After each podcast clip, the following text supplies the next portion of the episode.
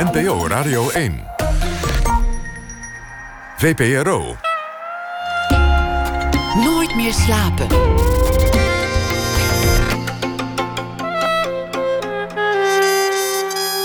Met Pieter van der Wielen.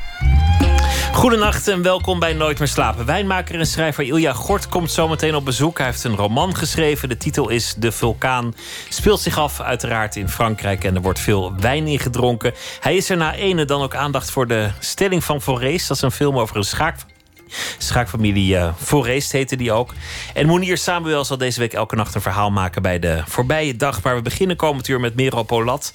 Somber Songs, de titel van een uh, muziekvoorstelling die ze zal brengen op de parade. Muziek van en samengespeeld met Baby D, een Amerikaanse muzikante die woont in Zeeland. Mero Polat is vooral bekend als actrice, maar ze is ook zangeres. Ze speelde toneel, theater en televisie. Was uh, dit jaar nog te zien bij het Rood Theater, bij de reprise van Snorro. Ze stond in de serie Mees Kees. En ze maakte ook een voorstelling rond de dodenherdenking in Carré, waar ze een persoonlijk verhaal vertelde. Geboren in 1982 in Amsterdam, opgegroeid in Saandam. En ze is de dochter van Turks-Koerdische immigranten. Merel Polat, hartelijk welkom. Dankjewel. Hoi. Ik heb jullie zien repeteren. Jullie zongen een lied. Je was eigenlijk al bezig met, uh, met, met de zaal als een soort gastvrouw in te pakken. Terwijl er eigenlijk toch helemaal niemand was. Ja. Maar je maakte je ook klaar om, om dat om dat te gaan doen. Om, om zo'n zo'n avond echt te dragen met verhalen en, en met muziek. Ja. Wanneer, wanneer wist je dat, dat, dat dat eigenlijk een plek is waar jij je thuis voelt? Op zo'n podium voor een zaal? Um, dat wist ik eigenlijk helemaal niet. Ik wist eigenlijk ook niet dat er zoiets als een toneelschool bestond. Ik, uh, ik was. Uh, ik ben, in, ik ben in Amsterdam geboren, in Zaandam opgegroeid. En op mijn veertiende hadden we in een buurthuis uh, toneelles gekregen... en voor Moederdag een voorstelling gemaakt. Maar ik was zelf eigenlijk altijd al wel gewoon. Uh, dan zette ik een hoed op mijn hoofd. En dan was ik urenlang, zeg mijn moeder, bezig met allemaal toneelstukjes. Gewoon thuis doen. En ik ben ook opgegroeid met, uh, met zingen vooral. Mijn vader die pakte zijn sas, uh, soort de Turkse gitaar, zeg maar, de lange als luid. En die ging dan. als hij thuis kwam van zijn werk, sas spelen. Weet je. Andere mannen gingen Playstationen of zo. Toen bestond dat nog niet. Nee, dat of iets niet. anders doen. nou ja, je in de tuin de harken of zo. Pac-Man had je. of Pac-Mannen. Ja. En mijn vader pakte dan die sas en dan uh, ging hij zingen. En dan zat ik uh, naast hem met mijn duim in mijn mond. Uh, ik was 16. Ik deed een opleiding, een toerismeopleiding op het, op het MBO. En ik was niet gelukkig. Niet in Zaandam, omdat ik nergens ik voelde me nergens thuis of zo. Ik voelde me nergens alsof ik nergens bij hoorde.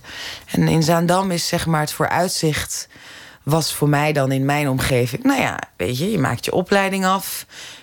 En heel veel keuze is er niet. Of je gaat op, administratief ga je iets doen, of je wordt schoonheidsspecialist, of je gaat bij de politie. Of weet je, dat waren. Dat is wat ik zeg maar in mijn omgeving uh, uh, zag. En dan uh, ontmoet je op je 22e jo jongen, en dan ga je op je 24e trouw je. En dan krijg je op je 26e eerste kind. En dan koop je een huis en een hond en een auto. Dus dat was. De uitgestippelde route. Ja, soort, weet je, ja. En het was ook goed wat geweest. Je in je omgeving kent. Waarschijnlijk was je dan ook wel gelukkig geweest, of niet? I don't know, man. Weet je niet? Nee, denk het niet. Als ik, nee, nee. Ik ben zo blij dat ik dat niet heb gedaan. Dat ik alle andere bochten in het leven heb genomen. Nu zou het niet een huis en een hek en een hond. Niet in die, op die manier. Maar nu, nu uh, zou daar misschien ruimte voor kunnen komen. Maar goed, mijn vader riep me bij me. Hij zei, je bent ongelukkig. Ik uh, zei, ja. Wat is er aan de hand?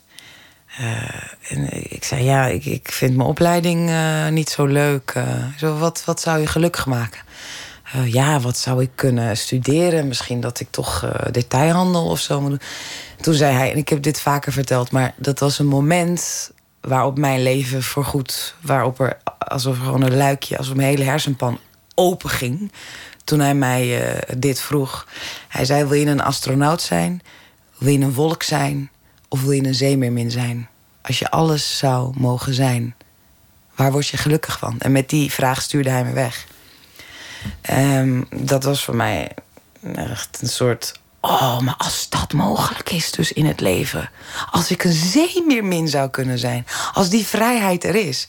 En in principe Kijk, mijn vader die is vanaf zijn negentiende is hij van het dorp, of vanaf zijn negende van het dorp in Oosterkei naar Istanbul gegaan om in garages te werken en op straat en in de mijnen heeft hij gewerkt. Dus hij heeft uh, al die kansen die ik heb en die mijn broertje uh, heeft, die heeft hij, dat heeft hij nooit gekend. Dus um, ik kwam terug. Ik zei: Papa, ik vind toneelspelen leuk. Oh, Oké, nou, we wisten alle twee niet dat daar dus een opleiding voor was. En een week later kwam hij terug met een inschrijfformulier van de uh, Hogeschool voor de Kunsten, van de toneelschool in Amsterdam. En hij zei: uh, Nou, er schijnen mensen uh, hun pink te willen geven voor deze opleiding. Dus als je dit wil doen, dan ga er helemaal 100% voor. Weet ook dat jij geen blond meisje met blauwe ogen bent. Dat betekent dat je gewoon twee keer zo hard uh, uh, je best moet doen of twee keer zo hard iets moet doen. Wil je, weet je wel, je bent niet een, een, een gezicht. Dit is 18 jaar geleden. Je bent niet, uh, ik weet niet of er heel. We maken vooruitgang. je bent niet iets wat mensen, wat mensen kennen, dus daar, daar zal je ook nog. Ze moeten aan je wennen. Dat moet je beseffen en de, daar moet je gewoon. Dus, en toen ging ik auditie doen op de toneelschool. En ik werd aangenomen. En ik kwam daar die eerste dag en ik zag een uh, leraar met een leerling in een hoekje samen een sigaret roken en gewoon alsof ze vrienden waren. Ik zag twee jongens in ballet, uh, strakke balletbroekjes dansend door de gangen. Ik zag mensen zingend en ik dacht: wow! Dus ik voelde me totaal uh, vrij en thuis meteen. En jouw vraag was: uh, wanneer wist je dat uh, op het toneel staan uh, voor jou was? Ik was, ik denk, de eer dat toen ik op school zat, als je mij in het dagelijks leven zou ontmoeten, als ik niet op het toneelschool zou staan, of toneel zou staan, zou je me denk ik niet herkennen, of misschien verlegen of timide. Of, ik, was iets, ik was heel erg, ik was echt iemand anders op het toneel dan buiten toneel. Want als ik op het podium stond, had ik vrijheid. Dan kon ik zijn wie ik wilde zijn. Dan kon ik alles wat ik s'nachts had gedroomd overdag waarmaken. Letterlijk. Ik kon naar het kostuumatelier gaan. Dat en dat en dat heb ik gedroomd. Ik kon naar de decorafdeling gaan. Dat en dat en dat. Ik kon mijn medestudenten. En dan kon ik dat allemaal gewoon uh, doen. Of iets wat ik had gelezen. Wat ik... Dus, uh, en dat is in de jaren nu is het verschil van als ik op het podium ben of niet op het, op het podium ben, gewoon na, in het publiek zit. Uh, dat verschil is kleiner geworden. Dat verschil is natuurlijker geworden. Dat is meer één geheel geworden. Je bent minder timide geworden. Uh, ik ben meer gewoon in mezelf gaan zitten. Zelfs op het toneel als niet op het toneel. Ik vind het wel mooi dat je, dat je ook een duidelijk beeld hebt van wie je ook had kunnen worden. Dat, dat je dan zegt, nou ja, getrouwd op mijn 22ste, een kind op mijn 23ste, een vaste baan op mijn 21ste. Ik, ja, dat had, ja. Had, had gekund, een koopflat op je 24ste. dat had ik dus niet, dat had dus niet gekund. Dat was het vooruitzicht. Dat was het, ik weet niet of jij of jouw ouders een beeld van jou hadden. Ik weet niet of jij in een bepaalde omgeving bent opgegroeid waarin je bijvoorbeeld alleen maar mensen uh, zag die uh, advocaten werden of zo. Dat je Weet ik niet. Nou, mijn moeder had denk ik wel iets degelijkers voor ogen. Weet je, of filiaalhouder van, uh, van, van de nutspaarbank ergens of zo. Iets, iets waar gewoon een soort degelijkheid omheen hing, denk ik. Ja. Maar ik, heb, ik heb het veiligheidshalve nooit gevraagd. Ja, ja. Maar heb je meer alternatieve scenario's die je wel ziet langsfietsen? Van, oh shit, dat had ik kunnen worden. Dit, dit had mijn leven kunnen zijn. Ja, heel noem, vaak. Noem er, noem er eens een paar. Bij heel veel dingen. Ik, ik uh, um ik denk dat zelfs bij de kleinste dingen, bijvoorbeeld uh, um, bij een toestand van iemand, of, of uh, er is, je hoeft maar een paar keuzes in je leven te maken en je bent daar. Ik, bedoel, ik heb het geluk dat ik hier in Nederland geboren ben. Uh, als dochter van Koerdische immigranten. Ik had bijvoorbeeld niet in Syrië moeten zitten nu. Dat zou ook, bedoel, dus dan heb je is, weinig uh, voor te zeggen. Dan ziet je leven er al heel anders uit. Ja, dus ik zie dat wel. Uh, ik, uh, ik verplaats me wel heel vaak in anderen. Wat knap van je vader dat hij, dat hij de waarde daarvan inzag en dat hij ook de moed had om jou daarin te steunen. Ja. ja. Zeker als je, als je zelf altijd hebt moeten, ja, moeite moeten doen om aan je, aan je geld te komen, om rond te komen.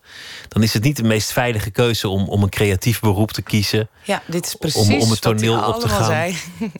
En dan, ja. dan is het toch bijzonder dat hij, dat hij dat kennelijk zo belangrijk vond dat jij ging doen wat je, wat je wilde doen. Ja. Heeft hij dat zelf uiteindelijk ook altijd gedaan? Is, is het in die zin iemand die, die op jou lijkt? Uh, ik denk het wel. Hij is heel koppig en eigenwijs. Maar hij heeft dat natuurlijk nooit uh, kunnen doen uh, als kind. En ook niet als toen hij hier naar Nederland kwam. heeft hij natuurlijk nooit in eerste instantie kunnen doen wat hij zelf wilde doen. Maar hij is toch naar Nederland gekomen. Dat is al een grote stap. Ja. hij heeft wel op een gegeven moment allemaal voor zichzelf gewerkt. Dus zelf bedrijven gehad en zo. Dat hij dus ja, in principe heeft hij ook wel gedaan wat hij wilde doen. Denk ik.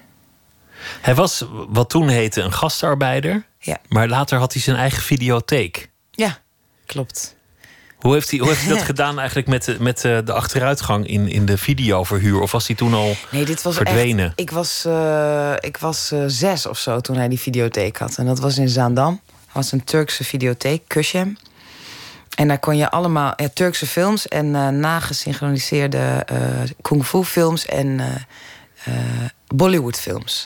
En ik als kind van zes jaar huurde ik, ging ik gewoon elke dag ook vier van die videofilms mee naar huis nemen. En dan ging ik al die films bekijken en meedansen. Maar dus nadat hij klaar was met die videotheek, was de videobusiness nog booming. Hij is, niet, hij is niet langzaam als een nachtkaars uitgegaan, nee. zoals velen in dat vak. Nee. En wat, wat deed je moeder? Mijn moeder was verkademeisje.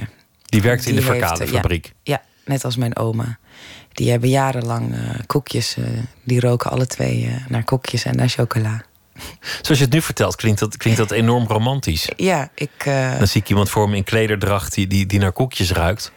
Terwijl ze waarschijnlijk een kapje op haar haar had en, en, zich, en, en, slofjes en aan. haar ellebogen of en haar, en haar ja, tennisarm heeft gewerkt aan de lopende band, natuurlijk.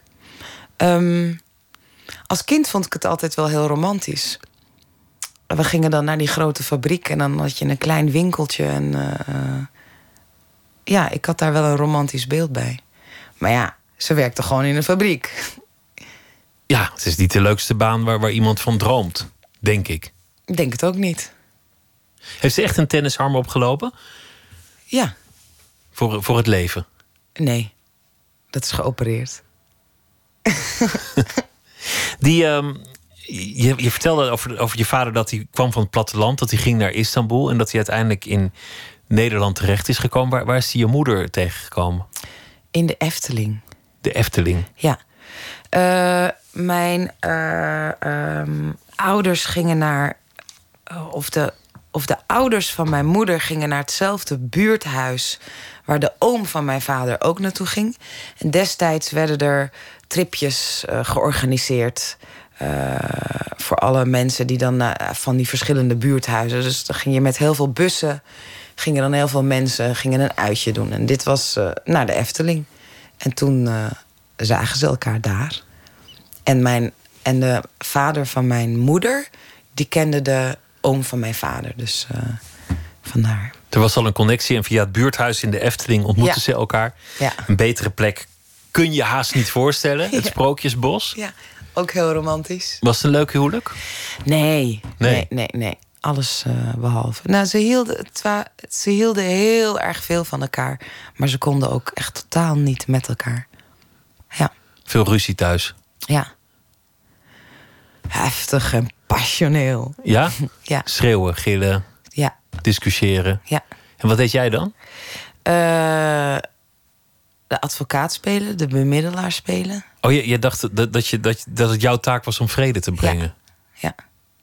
Dat is wel, dat heb ik toen eh, heel goed van mijn ouders geleerd. Ik kan ook heel goed in een team, als ik in een nieuw team kom met nieuwe mensen, ben ik meteen zing, zing, al mijn tentakels staat aan. Een soort onbewuste laag van: dit is wat je zegt, maar wat is de betrekking van wat je zegt? Inhoudelijk zeg je, oh, maar dit is wat je voelt. Oh, en jij voelt je nu zo. Ja, dus ik heb dat heel. Je hebt leren bemiddelen, dat kun jij nu. Ja, dus dat is. Uh, ja. Dat snap ik ook wel, waarom, waarom het voor jou niet, niet logisch was om op je 22e te trouwen. Je dacht waarschijnlijk, laat ik mijn huid maar duur verkopen, want voor je het weet zit je vast in zo'n situatie. Ja, misschien. Dan is, dat is niet echt een bewuste keuze geweest.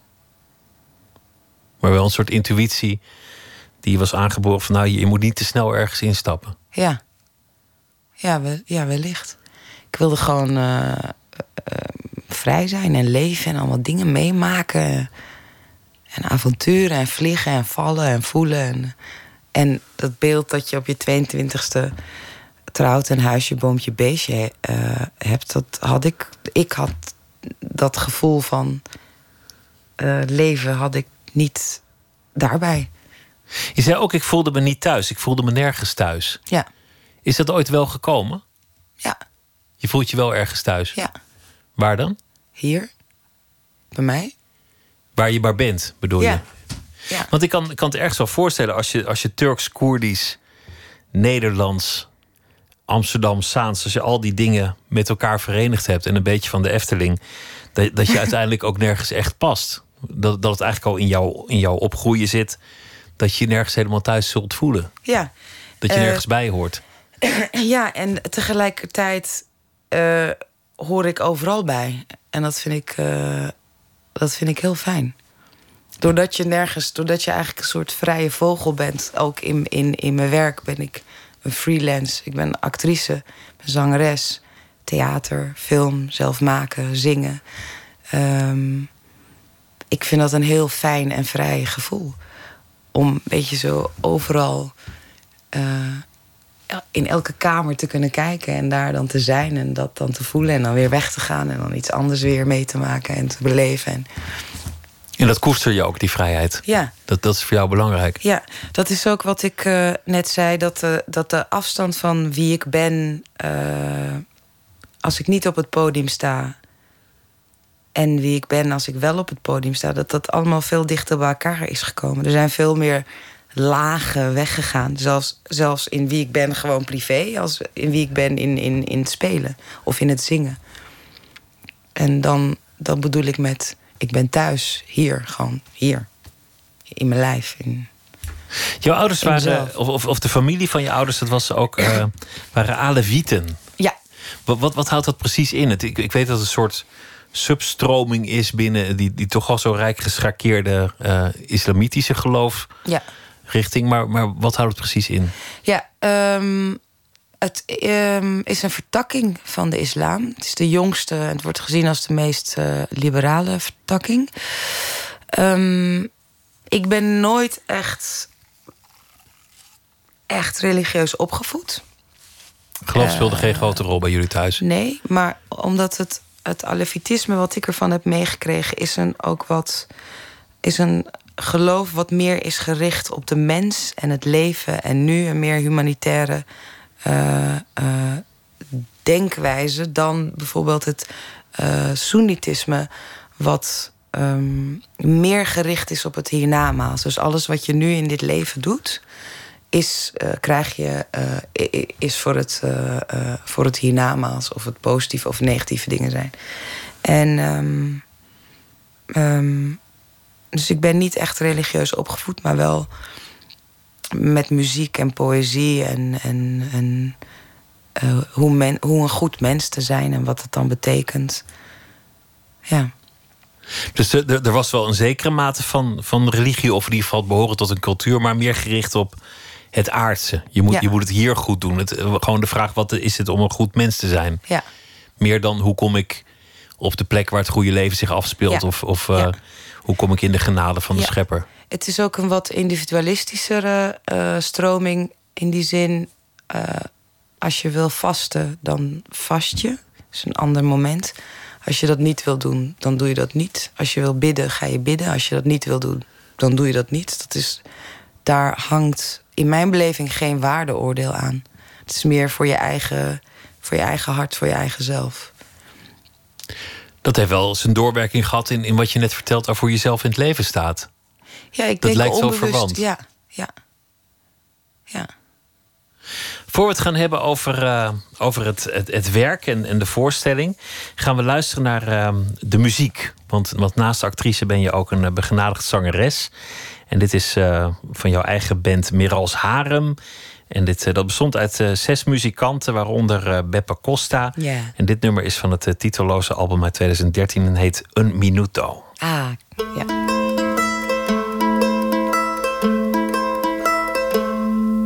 C'è qualche cosa che non va, qualche cosa che non va in quest'aria, aria di santità. C'è qualche cosa che non va, qualche cosa che non va in quest'aria, aria di santità.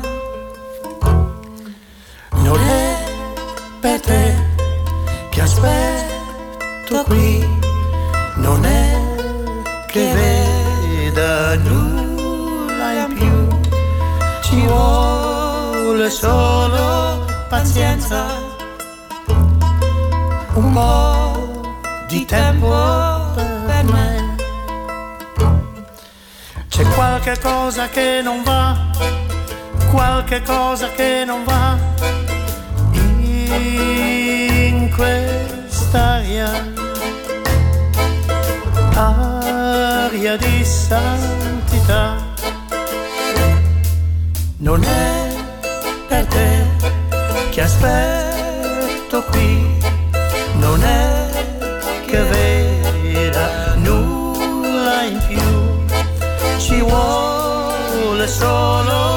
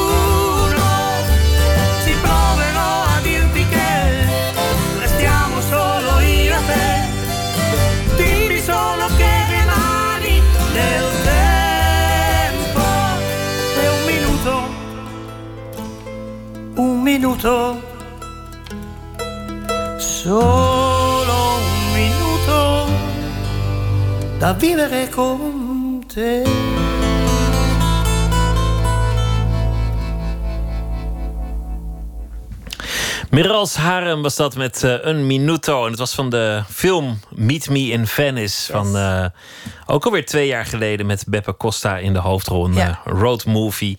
Dwars door, door heel Europa heen.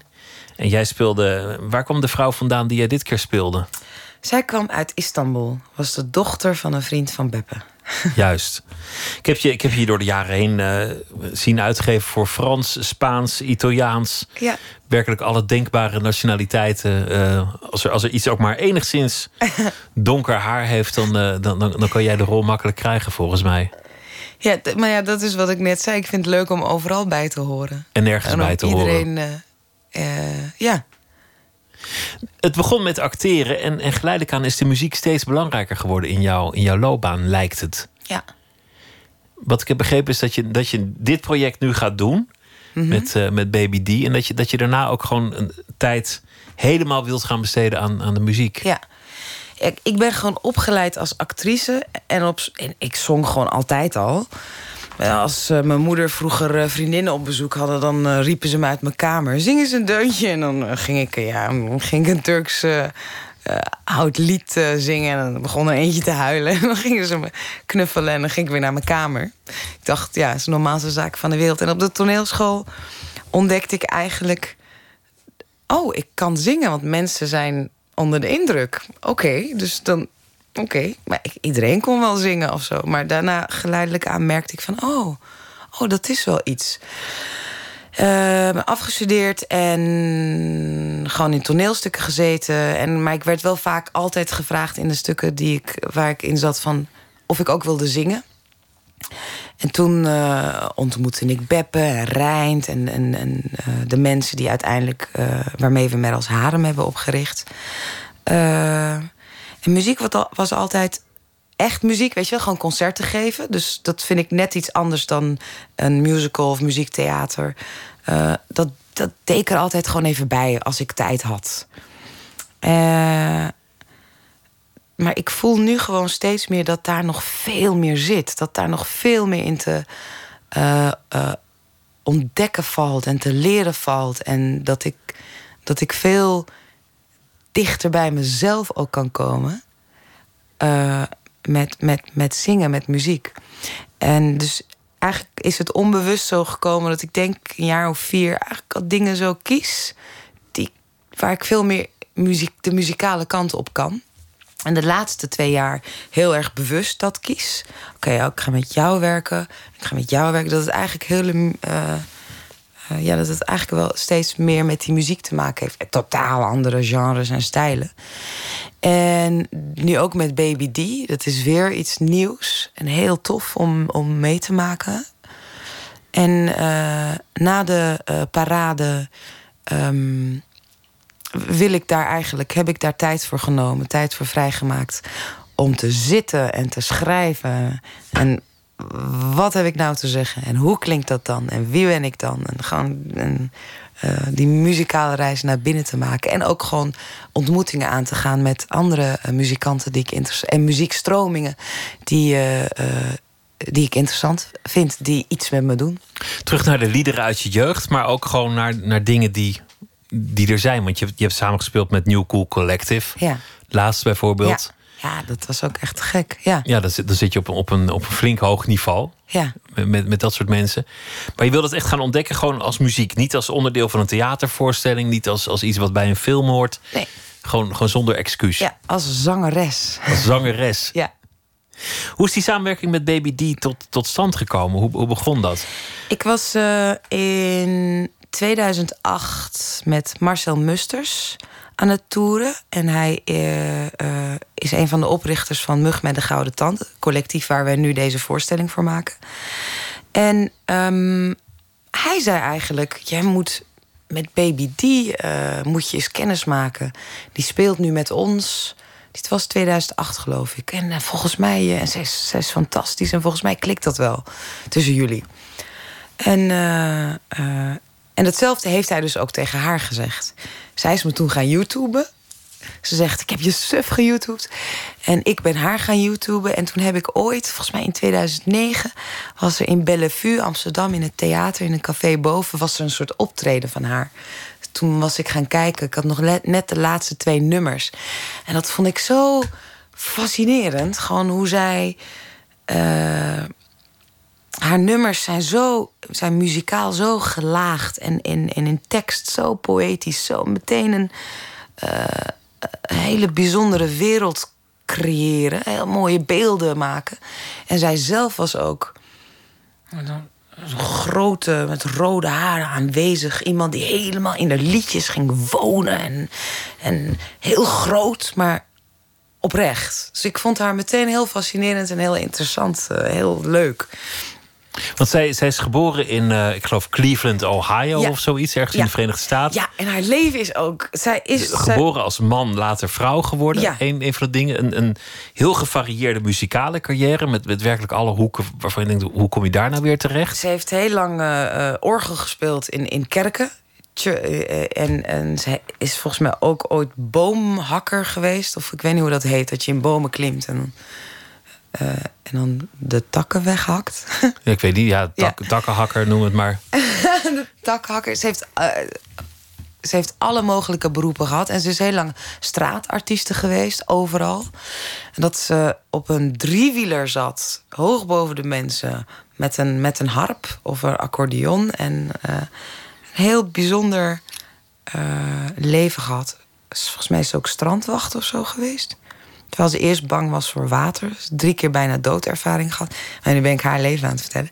Maar ehm, bijzonder mens. Ze kwam in, naar Nederland voor het Holland Festival om te spelen. Toen ontmoette ze daar eh, haar vrouw. Werd verliefd en is naar Zeeland verhuisd. En anderhalf jaar geleden vroeg ze eh, mij of ik samen met haar een project wil doen. Ze zegt: ik heb, eh, ik, heb, ik heb een aantal liedjes en dat zijn summer songs. Eigenlijk in Zeeland heb ik een kleine studio gebouwd en geluidsdicht gemaakt, zodat ik echt herrie kon maken. Maar ik merkte door die stilte dat ik eigenlijk steeds verstilder werd. En dus mijn liedjes zijn veel dieper en veel stiller. En ik wil zo graag een, een, een zangeres met, die kan, met, met een mooie stem. En eh, eh, ik wil graag dat jij dat doet. En ze zegt, ik wil het liefst gewoon verdwijnen.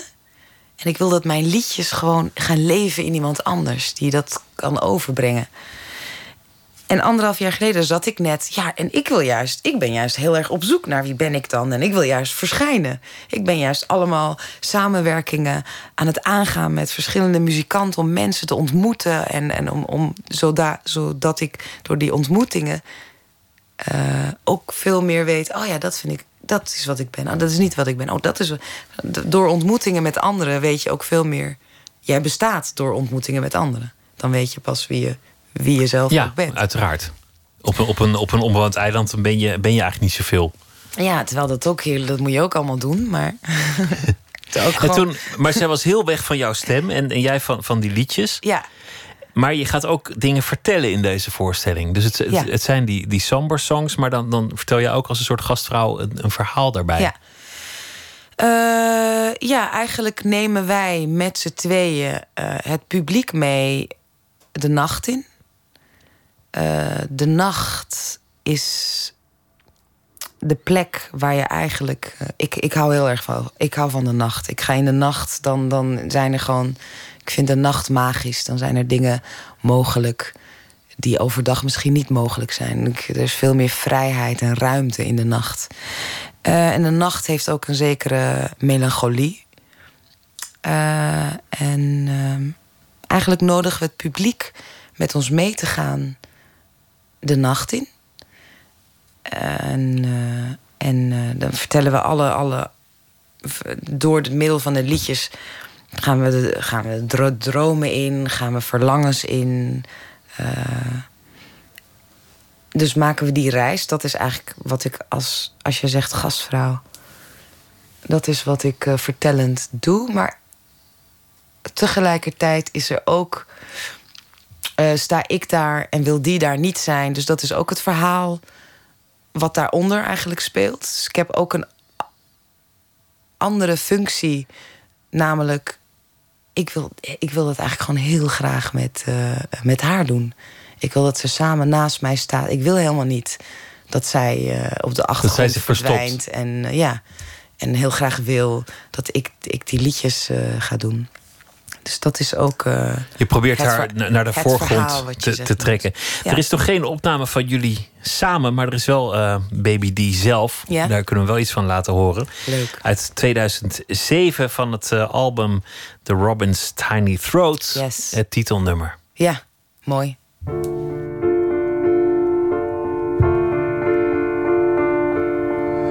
I woke up one morning, heard a robin song. I asked that robin, why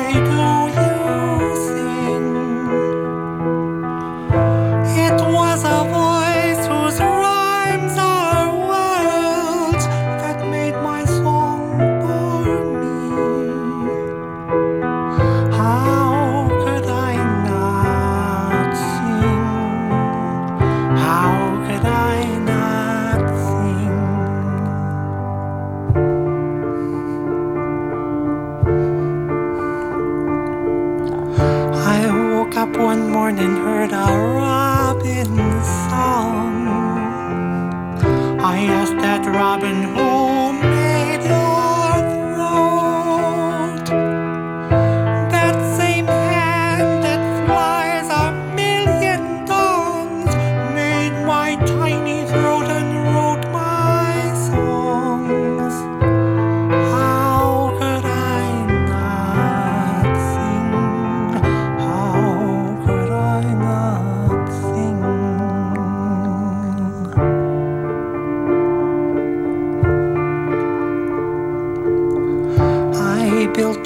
and I asked the vine, How come you grow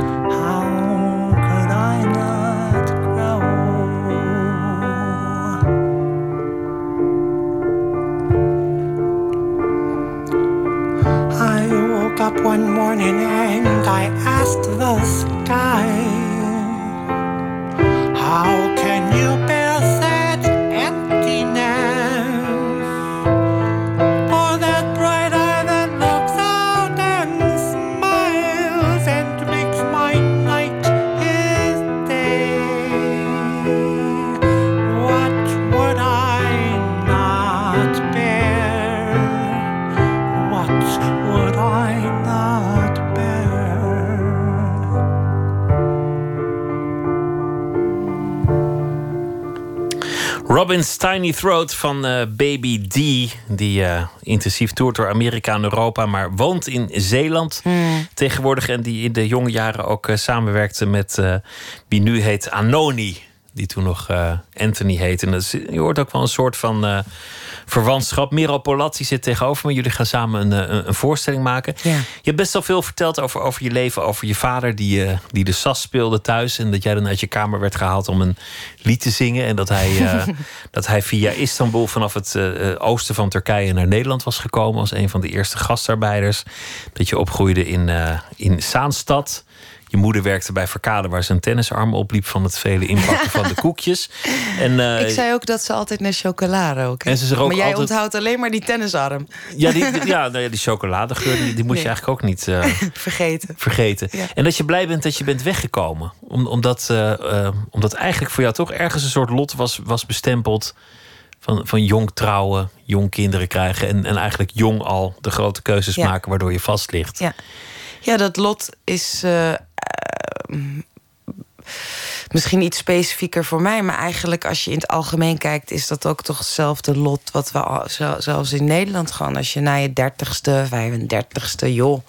moet je ook niet eens eh, die constructie die wij met z'n allen hebben verzonnen doen.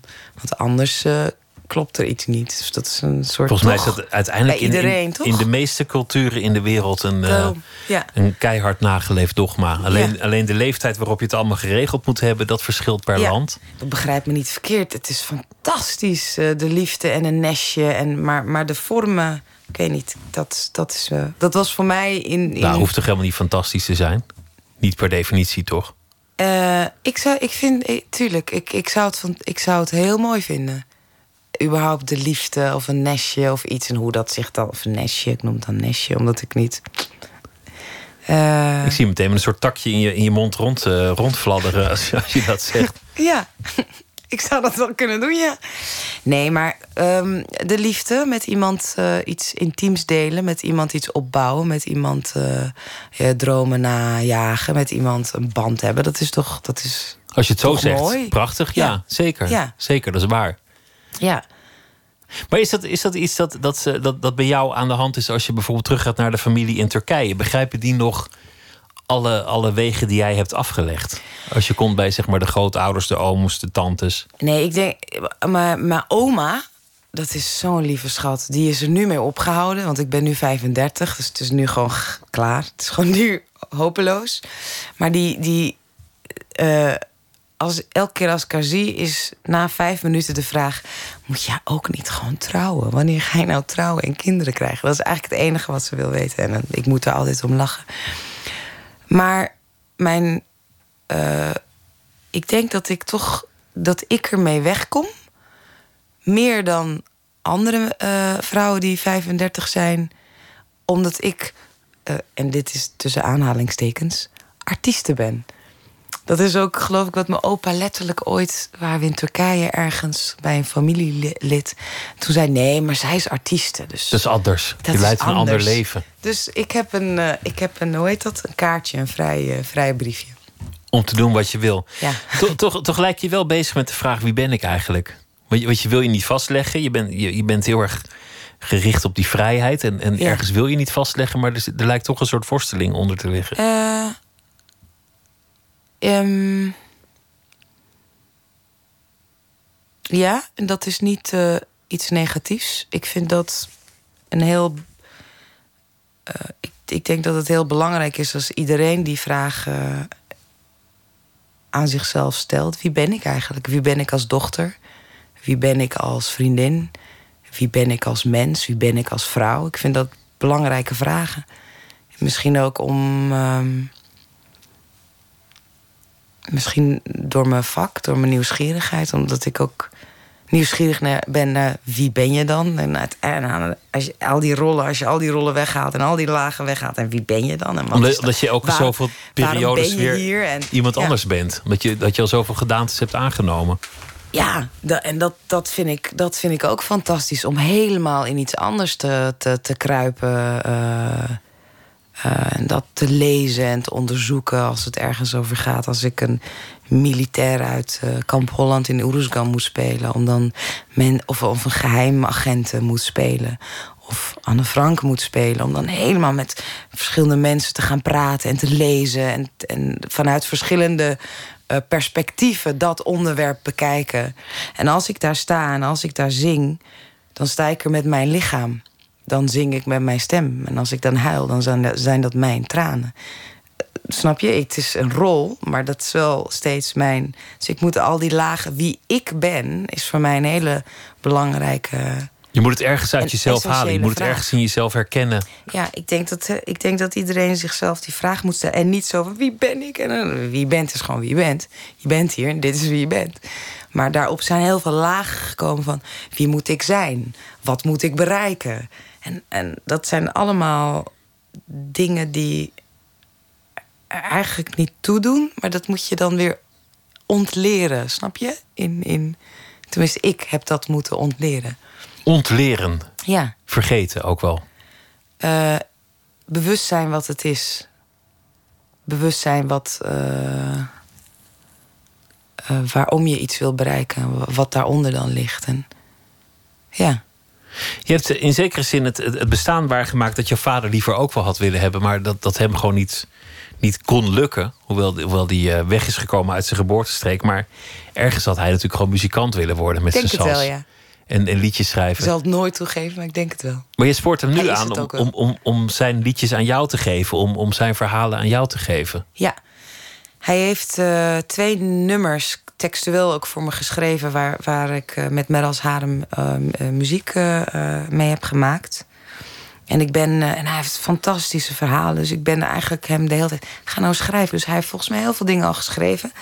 En ik heb een paar keer eerder het podium op gesleurd. Want het, hij, hij is iemand die totaal niet in de spotlight, in de aandacht wil staan. Hij hoeft echt niet, hij wil dat niet. Maar op mijn verzoek heb ik, eh, is hij twee keer met mij komen optreden. En het is gewoon, dat vind ik, ik word zo gelukkig als ik met hem op een podium sta en eh, een liedje die hij van, van vroeger of zo kent, dat samen met hem te zingen. En dan even net mijn draai eraan te geven. Om dat gewoon met hem te mogen doen. Dat, eh, daar word ik heel gelukkig van. Je vertelde ehm, met 4 mei, toen, toen deed jij de, eh, de, de voorstelling, een van de voorstellingen na de dodenherdenking.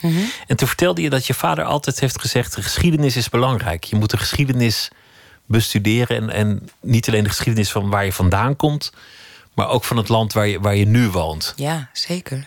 En dat dat, dat iets was wat hij zelf ook vanaf het begin heel erg zich heeft aangeleerd om altijd zich in het verleden te verdiepen. Ja.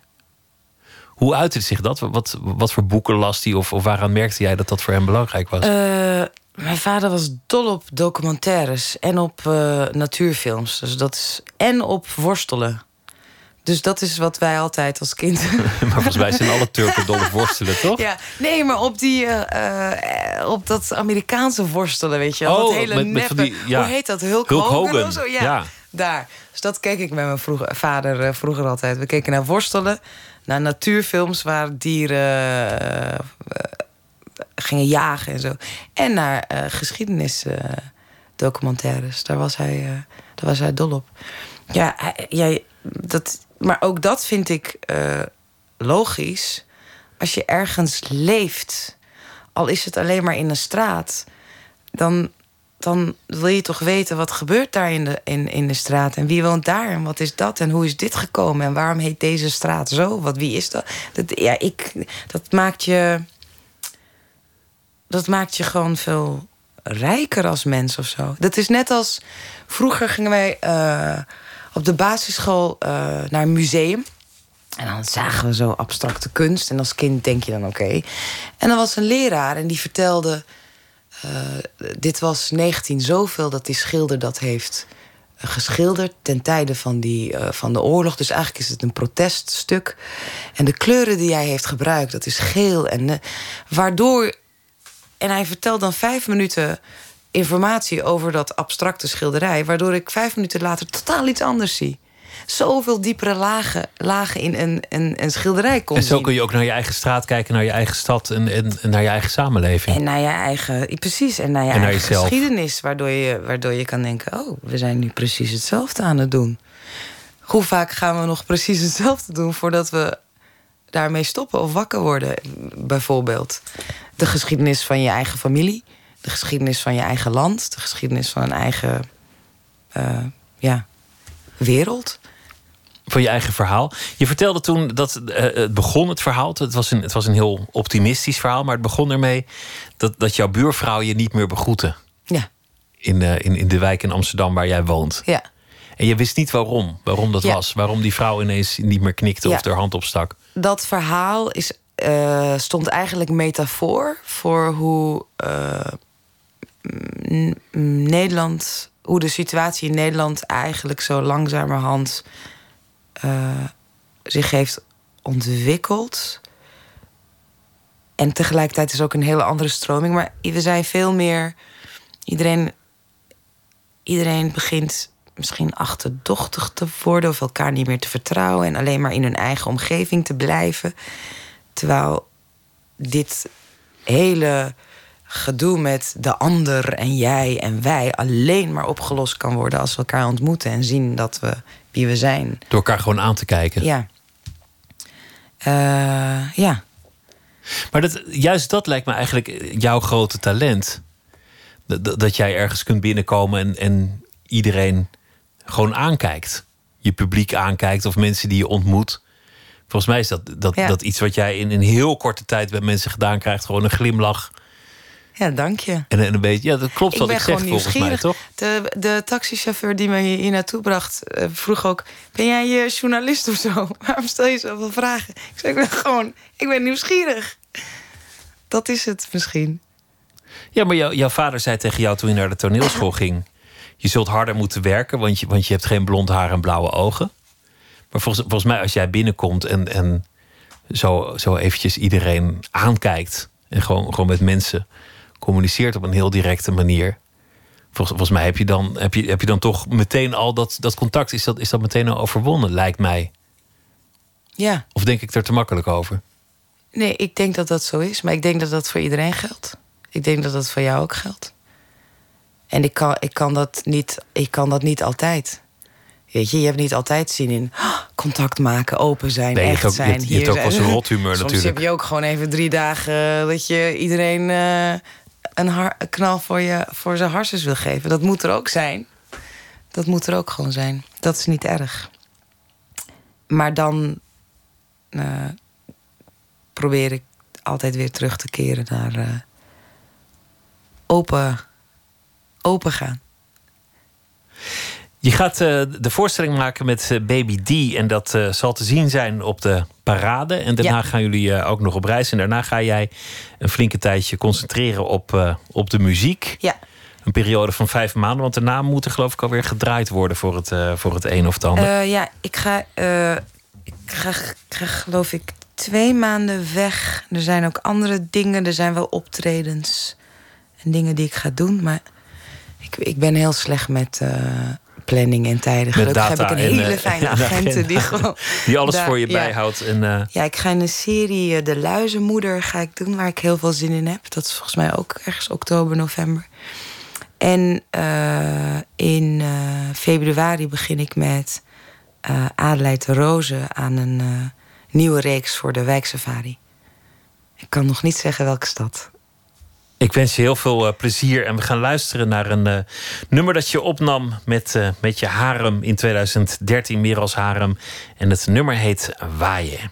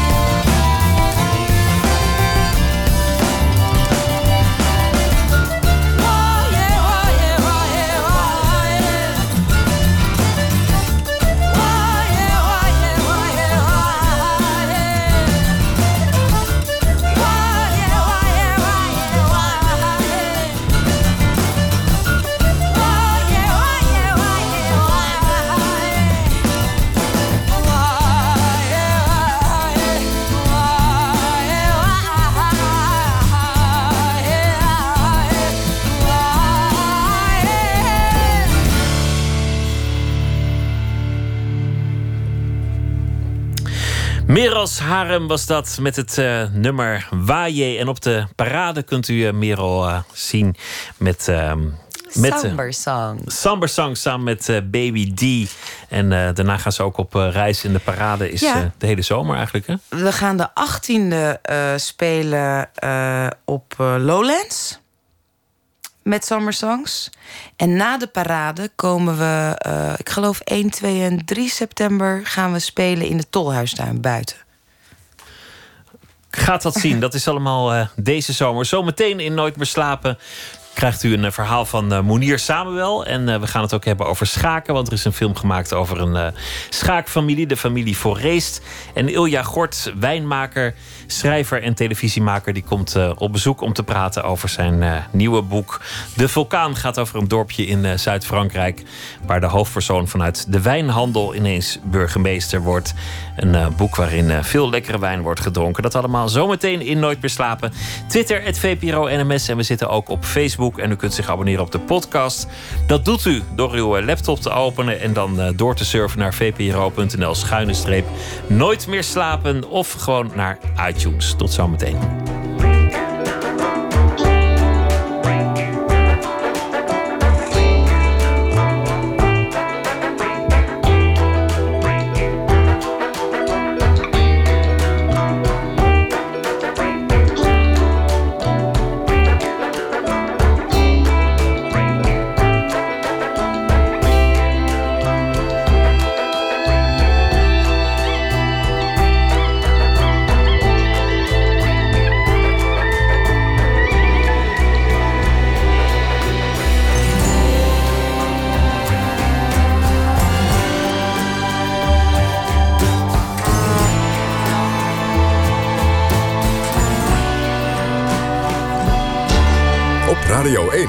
Het nieuws van alle kanten. 1 uur, Lot Lewin met het NOS-journaal. De verdachte van de terreuraanslag op station Brussel Centraal is overleden. Dat bevestigt de Belgische politie. De man werd een paar uur geleden neergeschoten door Belgische militairen... omdat hij mogelijk een bomgordel droeg. Even daarvoor was er een kleine explosie, volgens Belgische media, in een koffer. Over de identiteit van de man wil justitie niet zeggen. De Belgische explosieve opruimingsdienst zou bezig zijn om te kijken of de man inderdaad explosieven op zich droeg. Ook zou er een vuilniszak zijn gevonden met spijkers daarin. In het centrum van Brussel is veel politie op de been. De explosieve opruimingsdienst onderzoekt ook nog een verdachte auto op een marktplein in de buurt van het station. Informateur Cenk Willink ontvangt komende ochtend ChristenUnie-voorman Segers. Zijn partij lijkt nu de enige die VVD, CDA en D66 nog aan een meerderheid kan helpen. PvdA-leider Ascher heeft aan de informateur laten weten dat zijn partij echt niet beschikbaar is. D66-leider Pechtold heeft de samenwerking met de ChristenUnie tot nu toe onwenselijk genoemd. In Portugal zijn de bosbranden weer opgeleid. Er is een nieuwe brandhaard ontstaan ten noorden van de plek waar zaterdag het vuur begon. Door die brand kwamen 64 mensen om het leven. 150 mensen raakten gewond. Vanwege de nieuwe vuurhaard zijn tientallen dorpen ontruimd. De bluswerkzaamheden verlopen moeizaam. Volgens meerdere Portugese media is een blusvliegtuigje neergestort, maar de autoriteiten ontkennen dat. Een Amerikaans gevechtsvliegtuig heeft in Syrië een Iraanse drone neergehaald. De drone leek een legerbasis bij de grens met Jordanië aan te vallen, zeggen de Amerikanen. Die basis is in handen van oppositiegroepen die door de Amerikanen worden getraind. Het weer dan nog, het is wisselend bewolkt. In het noorden kan het afkoelen tot 8 graden. In de rest van het land blijft het iets warmer. Overdag kan het in het zuiden opnieuw 31 graden worden. Donderdag wordt de warmste dag van de week... met op veel plaatsen tropische temperaturen. Dit was het NOS Journaal. NPO Radio 1. VPRO. Nooit meer slapen.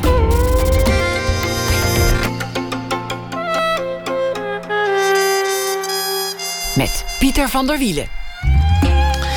De familie van Forreest, vijf zonen en een dochter, allemaal tussen de 9 en de 17 jaar oud. En ze schaken ieder op het hoogste niveau. Onverslaanbaar zijn ze. Er is een film over gemaakt. Zometeen uh, hoort u uh, de maker van de film, Thomas Deubelen, over de stelling van Forreest, een schaakfamilie. Ilja Gort komt op bezoek. Hij is uh, wijnmaker en schrijver. En hij komt vertellen over zijn nieuwe boek De Vulkaan. En Moenier Samuel zal een verhaal maken bij de dag die achter ons ligt. Eerst het cultuurnieuws.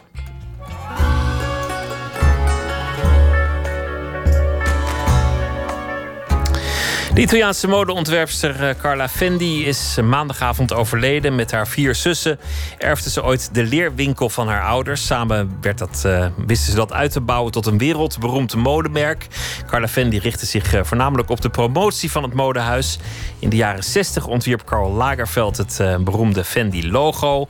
De zogenaamde, zogenaamde Suka-print. Dat is een F die rechtop staat. En dan een tweede ondersteboven. En Carla Fendi werd 79 jaar oud. Thank you. Bij een eh, eerste NRC-veiling van boeken en printen zijn maandagavond eh, twee boeken verkocht. Geschreven door de Keniaanse vader van Barack Obama. Hij maakte de boekjes met adviezen over landbouw en voeding. toen hij werkte voor de Keniaanse regering. Het werk viel op, want een collega moedigde hem aan om naar Hawaii te vertrekken en daar te gaan studeren. En daar ontmoette hij de moeder van wat later zou worden Barack Obama. De twee boekjes werden destijds eh, gekocht door een Nederlandse vrijwilliger in Kenia. En dit keer werden ze voor 36 100 euro geveld. Het uh, Creative College van het ROC Midden-Nederland komt met een specialisatie voor dronebestuurders. Studenten van de opleiding Audiovisuele Productie kunnen zich vanaf februari volgend jaar specialiseren in het besturen van een onbemand vliegtuig. Ze leren de technische aspecten van het filmen met een drone, maar ze leren ook wat mag en wat niet mag volgens de wet. Een aantal studenten heeft al een uh, tipje van de sluier mogen oplichten. Ze hebben luchtopnames gemaakt van het leeuwenverblijf van de dierentuin van Amersfoort. En vandaag werd een uh, nieuwe serie postzegels onthuld met als thema de Nederlandse lekkernijen, de streekgerechten. De bossenbol, de Zwolse balletjes en de Zeeuwse bolus hadden de selectie gehaald. Sommige provincies waren een beetje gepikeerd omdat hun lekkernijen er niet op kwamen. Maar de ballotagecommissie moest streng zijn. De ontwerper is uh, Joost Overbeek van de studio Overburen. Goeienacht. Goeienacht. Ja, hoe, kom je daar dan uit? Al die Nederlandse lekkernijen. En er, er mogen er uiteindelijk maar uh, een paar op de postzegel. Hoe, uh, hoe pak je dat vervolgens aan? Ja, nou, kijk, ik hoef dus niet zelf uit te kiezen. Dat scheelt al. Dus het uh, Nederlands Kenniscentrum, die had het al uitgezocht. Als, ik had bijvoorbeeld, ik woon in Arnhem. Anders had ik echt het Arnhemse meisje er wel in, in opgezet. Maar dat, dat kon helemaal niet. Er waren tien gekozen voor tien provincies. Dus er zijn nu een paar provincies boos omdat ze er niet op staan. Maar daar had ik dus verder niks over te zeggen. Nee, maar dat hou je toch. Wat is het, het Arnhems meisje? Het Arnhems meisje is een uh, soort kraaklingetje, koekje. Maar de Tielse kermiskoek zit er wel in. Dus uh, onze provincie was al uh, voorzien. Oh ja, want het moest ook nog een beetje verdeeld over het, het soort voedsel. Anders heb je alleen maar zoet of zout of, uh, ja, of vet. Het is, toch al, het is toch al veel zoet. Er zitten veel, uh, veel zoete dingen in. Eigenlijk uh, mensen die van hartig houden, die komen niet echt... niet, niet echt aan het trekken bij, de, bij nee. de traditionele lekkernijen. Nee, nee. Nee, de postzegelconsument is ook kritisch, las ik vandaag in het, in het parool. Waaruit blijkt dat? Nou, het is ongelooflijk. Dat is voor ons heel erg leuk. We maken natuurlijk heel veel dingen. Sites, filmpjes en weet ik wat allemaal. En postzegel is eigenlijk een heel klein velletje papier. En ik denk van ja, dat is maar gewoon uh, een van de vele dingen die we maken. Maar er zijn ontzettend veel mensen die daar heel goed naar kijken. En blijkbaar met een loop en een... Uh, want op de meest kleine details... Uh, wordt commentaar geleverd. En er zijn ontzettend veel mensen en, en op Facebook en weet ik veel wat... waar mensen hun commentaar geven. Dus uh, ja, dat is heel leuk. Vinden we heel leuk. Dat maakt het voor jullie ook een, een spannende opdracht, zo'n postzegel ja, maken. Ja, vind ik echt. Ja, het is leuk om te merken dat daar... Uh, ja, dat veel mensen het belangrijk vinden en leuk. Dat is, uh, wat je zou zeggen, wie plakt er nou nog op postzegel? Maar er zijn echt... er zijn blijkbaar heel veel verzamelaars. Ze doen elke keer zo'n zo'n thema. Hoe komen ze vervolgens bij, bij de ontwerper terecht? Ja, dat weet ik niet precies. Maar ik denk dus dat ze gewoon een, een, eh, een eh, database hebben met, eh, met mensen waar ze eens mee willen werken. Of waar ze het werk leuk van of interessant van vinden. Vervolgens wordt er gekeken volgens mij naar... Nou, dit past bij, eh, past bij, bij Joost of bij Overburen. Ik bedoel, met een eh themazegel over Nijntje zullen ze niet zo gauw bij mij komen. En, eh, maar dit vonden ze blijkbaar van... eh, nou, daar, daar kan die wel wat mee. En dan hebben we daar een gesprekje over. En dan eh, komt daar een opdracht uit. En hoe doe je dat? Want, want dan heb je een postzegel. Nou, de maat is al, die staat al vast. En dan staat er ook al vast dat de, de, Zwolse balletjes en de Zeeuwse bolus erop moeten. Maar, maar hoe maak je daar dan vervolgens een, een, een postzegel van die, die werkt? Die mooi is? Wat, wat is het idee? Ja, dat is een beetje mijn vak natuurlijk. Maar het, is wel... Ik had een paar dingen dat... Van, veel van die dingen zijn vrij onaantrekkelijk om te zien. Zo'n...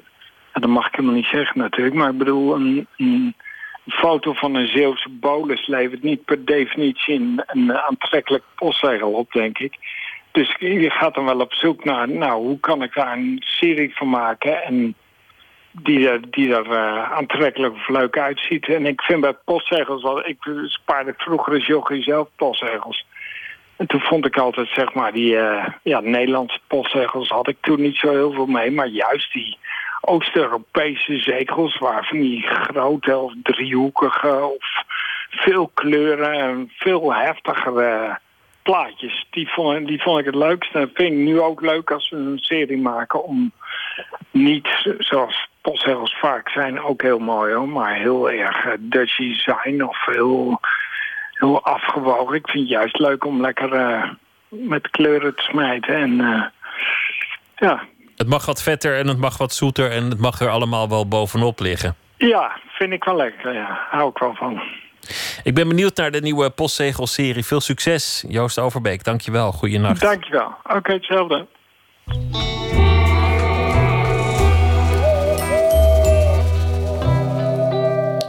Hier is eh, Annie Di Franco met het nummer Even More.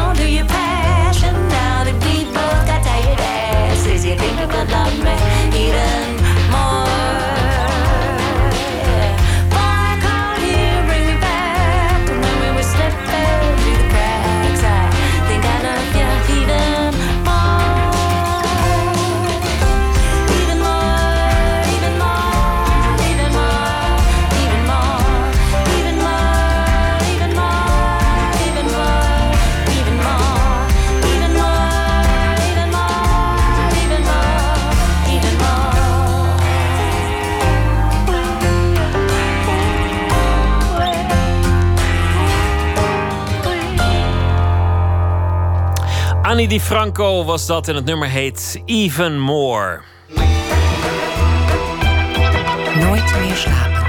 De familie van Forreest, alle zesde kinderen zijn schaaktoppers. En dat is eh, bijzonder. Bijzonder genoeg om er een film over te maken. De stelling van Forreest, een schaakfamilie. Binnenkort te zien op televisie. Nicole Terborg die praat met de filmmaker Thomas Deubelen op het eh, Max Eeuwenplein in Amsterdam. Vernoemd natuurlijk naar de beroemde schaker. Een plein waarin in de buitenlucht altijd wel iemand aan het schaken is. Als je begint met thuisonderwijs, dan merk je eigenlijk dat, ehm, dat onze kinderen eh, datgene wat ze op school leren in een hele korte tijd kunnen leren. Dus dat betekent dat je heel veel tijd over hebt. Ja, dus zo zijn we eigenlijk begonnen met het schaken. Weet je man?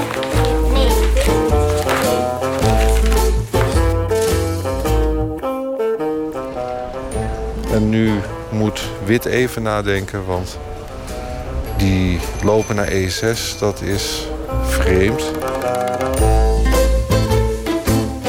Thomas, Ja. wat heb jij met schaken? Nou, ik ben zelf niet een hele, hele bijzondere schaker. Mijn vader heeft het me natuurlijk geleerd. En eh, veel verder ben ik niet gekomen. Het was ook een reden voor mij om tijdens het eh, maken van deze documentaire steun te zoeken. En ik heb een geluidsman genomen die wel degelijk als eh jongeman veel schaakte. Sjaak Vlaming, hij is hier ook. Ja, Sjaak Vlaming, dus twee, twee pet op. Had je, je was en de schaakredacteur Ja. en de geluidsman. Ja, ja, ja, dat, dat leidde wel eens tot, eh, tot eh, eh, conflicten. Nou, niet met Thomas, maar het volgen van de schaakpartij deed ik dan. En de microfoon wees dan een hele andere kant op. Op dit Amsterdamse plein, vernoemd naar de enige Nederlandse wereldkampioen schaken, kijken Thomas en Sjaak naar het schaakbord in de bestrating. De vakken zijn zo groot dat je erin kan staan en de schaakstukken komen soms tot de knieën. Anderhalf jaar heeft dit duo de familie van Forreest gevolgd. Het is een verhaal over een gezin met bevlogen ouders... en die, eh, die besluiten om hun kinderen thuis onderwijs te geven... waardoor ze heel snel die, dat reguliere aanbod... eh, het is heel serieus, hè? Eh, ze, ze leren wat ze moeten leren... en daarna hebben ze heel veel tijd vrij... en kunnen ze uren besteden aan het schaken. En de moeder is heel goed in het, in het maken van programma's... om de, ook de kleine kinderen te leren dat je niet alleen kunt winnen, maar dat je ook moet nadenken over verdediging, over middenspel en over eindspel en, enzovoort. En over of je bedreigd wordt in het spel. En, dat, en je ziet dat het, het werpt zijn vruchten af. Die kinderen doen het goed. Ik werk nu aan de schaak-app die ik heb ontwikkeld voor de kinderen. Omdat ik eh, eigenlijk niet tevreden was met de huidige software of apps die er waren om schaken te leren. Het gezin bestaat uit vader Nicky, moeder Shaila en zes kinderen tussen de 9 en 17 jaar. Vijf zonen en een dochter. En overal wordt er geschaakt. Ze schaken tegen elkaar, op de computer of tablet. Ze krijgen les van hun ouders of ze praten met elkaar over strategieën. Dit paard dat gaat vaak via D7 Ja, gaat dat wist ik. naar F8 Ja, en dan G6. naar G6. Weet je dat? Ja. Als je H6 hebt gedaan, dan verzwak je dit veld. Jordon, het oudste kind, werd vorig jaar Nederlands kampioen schaken. En de negenjarige dochter Machteld is misschien wel het grootste talent. In de film speelt het kleine donkerblonde meisje tegen grijsharige mannen. Ik vond het bijzonder en, en ik vond natuurlijk die, dat contrast ook eh, prachtig. Zo'n jong kind wat, wat tegen zulke tegenstanders al speelt. En ze vindt het ook leuk, want ze wint ook. Als Machteld speelt tegen die volwassen, oudere heren... dan zie je eh, ook hoe goed ze eigenlijk al is. Kampioenen of mogelijke kampioenen zijn steeds jonger. Je, je ziet het aan Jordan, de oudste eh, zoon uit het gezin. Die was al schaakgrootmeester op zijn 16e jaar. En hij won vorige zomer met 17 jaar het Nederlands kampioenschap. Dus dat, dat is nogal wat. Mooi, maar je hebt geen geschiedenis geschreven vandaag. 17 jaar. Nederlands kampioen. Hoe, hoe gaat het verder? Ik denk, ik wil eh, nu zoveel mogelijk gaan schaken. En ehm soort van tot mijn twintigste blijven schaken. En als ik dan soort van nog niet echt goed genoeg ben om bij de wereldtop of zo te zijn. Als ik dan een soort van een beetje stil ben blijven staan. Dan ga ik waarschijnlijk wel studeren. Maar ehm, als ik dan bijvoorbeeld al best wel hoog sta, dan denk ik dat ik gewoon blijf schaken. Thomas, zie je, ze zijn net begonnen met spelen. hè? Ja, mooi, hè? De een die schopt en de ander die zet de stukken. Schaak in de buitenlucht, dat hoort eigenlijk niet. Je speelt in, in benauwde zalen waar het, waar het al snel naar een beetje zweet begint te ruiken. En waar gewoon stilte heerst en geen frisse lucht is. Papa, mag dat partijtjes maken naar Blitz? Eh, nee, je moet eerst alles afmaken en dan pas mag het andere. We wilden dat die kinderen zich konden ontplooien ja, met dingen waar ze genoeg uitdagingen in zagen zelf. En die ze graag zouden willen ontwikkelen. School is daar niet altijd, de beste, eh, niet altijd het meest geschikte instrument voor. De kinderen krijgen basisonderwijs van hun ouders bij de universitair docent, waardoor er tijd overblijft voor verdieping, zoals een schaakopleiding. Eenmaal ouder mogen ze zelf kiezen of ze voortgezet onderwijs thuis of op een school volgen. Wat ons toen ook al opviel, als kinderen die leren, die moeten zogenaamd allerlei dingen leren op school. Maar het eind van het liedje is dat ze daar nog eens een keer mee thuiskomen met leren rekenen en lezen en noem maar op. Regisseur Thomas vraagt aan vader Nicky in de documentaire ook naar de vriendschappen die je sluit op de basisschool. Maar daar hebben Sheila en ik ook over gehad. Van, eh, en ook aan allerlei mensen gevraagd. Van hoeveel mensen zie je nou eigenlijk nog van lagere school? En als je dan kijkt naar het aantal stabiele vriendschappen dat mensen opbouwen op een lagere school. Nou, dat, dat is volgens mij bij vrijwel iedereen nul. dus ja, wat heb je daar dan gedaan? Nou, ik vond het wel een heel duidelijk antwoord eigenlijk. Ik dacht dus toen gelijk van ja, je bent misschien niet bevriend met de mensen op je basisschool. Maar je leert wel bepaald sociaal gedrag, toch? Het is wel, je ontwikkelt wel hoe jij vrienden kan maken. Ja, tuurlijk. Dat is wat, wat je kan denken. Eh, zij denken dat eh, de kinderen hebben vriendjes. En eh, ze leren, ze moet, ik moet zeggen dat ze ook wel heel sociaal vaardig waren, die kinderen. Want ze bewegen alleen en op die toernooien. En, en, en de jongens die reizen apart, alleen al. Of met hun kleine zusje. Dus ze, zijn heel erg, ze staan heel erg in de wereld. Ja. Ja, dan gaat de kist open. Speel je nou het liefst met wit of met zwarte eh, Ik speel het liefst altijd met wit. Om eh, opening te kunnen bepalen en daarmee ook eh, het initiatief naar je toe We trekken. staan eigenlijk nu bij de verkeerde kist dan. Dus we Nou ja, moeten eigenlijk naar de andere.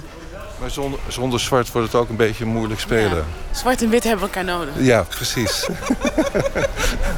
De loper en het paard, hè? Het paardje. Het paardje. Nadat ze de schaakstukken op straat hebben gezet... vertelt Thomas hoe blij hij was met Sjaak tijdens de opname.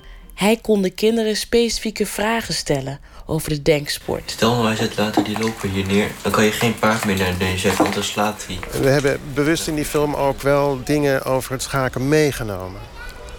Want ik vond het ook wel aardig om iets te laten zien van die professionaliteit in dat schaken. Dat die kinderen die spelen gewoon eh 30 zetten diep. Ik bedoel, ze rekenen 30 zetten diep uit. En dan alle varianten.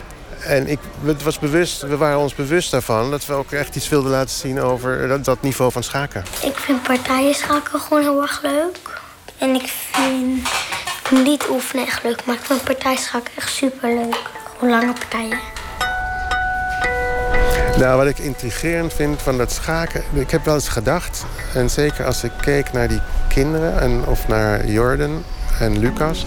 Er is een soort gewenning en er is een soort Daar raken ze in zoek. Dat, dat, dat, is, dat fascineert zo dat ze daarin verdwijnen bijna. En ze zijn er de hele dag mee bezig. Ik geloof dat eh, Jordan acht uur per dag bezig is met dat schaken. En eh, Lucas eh, was wel ietsje minder, zes uur of vijf uur. Maar dat is een soort... Dat wordt een soort ding. Hoe moet je dat zeggen? Lijkt een soort hypnose of zo. Ja, dat is misschien het woord. Maar je ziet dat ze erin verdwijnen. En dat vind ik fascinerend. En, en, en alles draait om dat schaken. Vroeger zei mijn eh, moeder tegen me van nou... eh, nadat mijn broertje en ik tien keer eh snel schaakkampioen van ons geboortedorp waren geweest... van nou, het is misschien wel een mooi moment om daarmee te stoppen. Zij vond altijd schaken is een beetje raar... En kende ook alleen maar de verhalen van Fischer of andere wereldkampioenen die dan gek waren geworden. Dus hoe intensiever je schaakte, des te groter de kans werd dat je een beetje raar werd. Dus ze vond het wel op een gegeven moment genoeg geweest. Je moeder was daar bang voor. Mijn moeder was daar bang voor. En eh, in dit gezin bestaat die belemmering in het geheel niet. Alles is erop gericht om zo, zo goed mogelijk te worden... om de tijd zo effectief mogelijk te gebruiken. En niet per se om wereldkampioen te worden... maar om de mogelijkheden die er zijn optimaal te benutten. Ja. En dat vond ik ook heel erg prettig om te merken... dat het op die manier ook kan. In tegenstelling tot jouw moeder. Ik had een hele lieve Ja. moeder, maar af en toe had ze wat rare opvattingen. Dus dat vind ik wel weer heel erg leuk geweest van, van deze documentaire... en de kennismaking met het gezin. Dat je, eh, dat je er ook van kan genieten en dat het geen gevaar hoeft te zijn. De documentaire heet De Stelling van Forest, een schaakfamilie. Maandag te zien om vijf half negen s'avonds op NPO 2. Een bijdrage van Nicole Terborg was dat. Kevin Morby is een Amerikaanse muzikant. Hij zit eh, ook in bands, The Babies en Woods. Maar dit is van zijn eigen album City Music, een ode aan de grote stad. En dit nummer gaat over eh, Harlem, New York, Pearly Gates.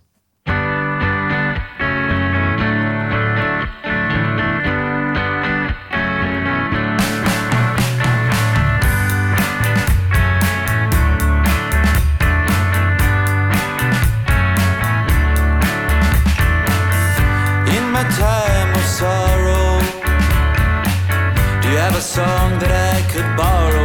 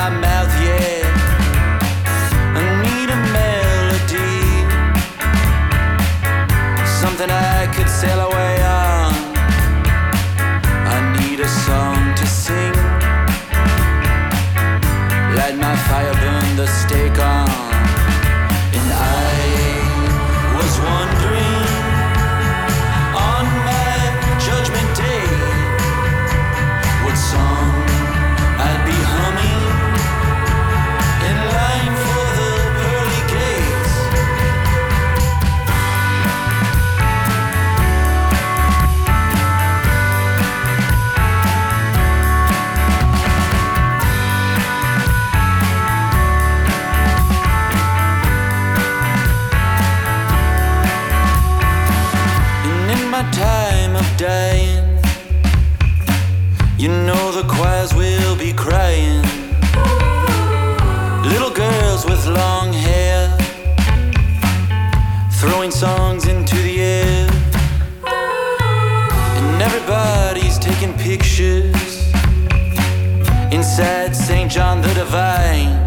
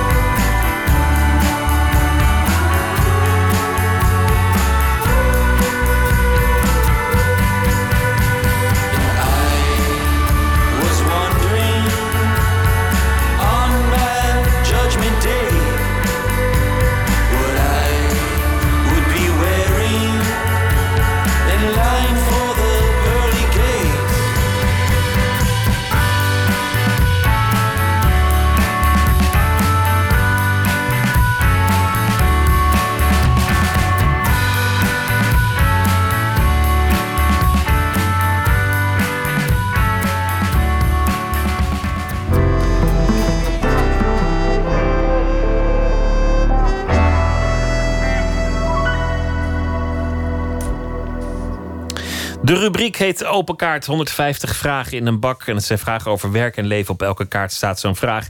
De gast is wijnkenner en programmamaker eh, Ilja Gort. En eh, hij is eh, ook schrijver. Hij maakt wijn. In, in, in Frankrijk doet hij dat. En zijn nieuwe roman speelt zich daar ook af. De Vulkaan gaat over een wijnliefhebber aan lager wal geraakt. Een, een oud handelaar die door een erfenis ineens een wijndomein erft in een dorpje. Maar binnen no time wordt hij ook burgemeester van het dorp. Dat lijkt op het eerste gezicht een heel goed idee. Maar het levert eh, voornamelijk problemen op. Ilja Gort, hartelijk welkom. Dankjewel. Je beschrijft echt zo'n Frans dorpje met, met, eh, waar, waar de lokale politiek meer is wie wil dan eh, wie mag. Het is niet moeilijk om burgemeester te worden. Je bent het vrij snel. D- deed mij de vraag stellen hoe, hoe geïntegreerd je eigenlijk in je eigen dorp bent. Ben je daar actief? Ja, heel erg actief. Ja, ik, ga geen burgemeester worden. Maar eh, ja, ik, ik ga altijd naar de feesten in de Salle de Fête. En eh, ik kom op bruiloften en ik zit met baby's op mijn schoot. En ja, ik, ben, ik hoor daar wel bij. Ik vind, en de burgemeester van mijn eigen dorpje is een hele goede vriend van me. En die, eh, ik ken eigenlijk iedereen daar. Dus ik ben daar heel erg in geïntegreerd, ja. Je beschrijft echt zo'n Frans dorp waar, waar de boel een beetje leeg loopt. Waar mensen ook wel weg willen, maar gewoon niet van een zaak afkomen. En waar eigenlijk alles op gericht is in de lo- lokale politiek. Van wie kan, wie kan weer leven in de brouwerij brengen. Wie kan zorgen dat er weer wat geld is. Wie kan onze zaak bepleiten bij de hogere overheden. Speelt het ook in jouw eigen gemeente? Nee, nee, dat valt wel mee. Bij ons is er geen, niet zo'n leegloop. Wij zitten in de buurt van een grote stad, Bordeaux. En daar is wel genoeg eh, economisch verkeer om de zaak gaande te houden. Maar dit dorpje uit dit boek, dat is in de Pyreneeën. Heel afgelegen.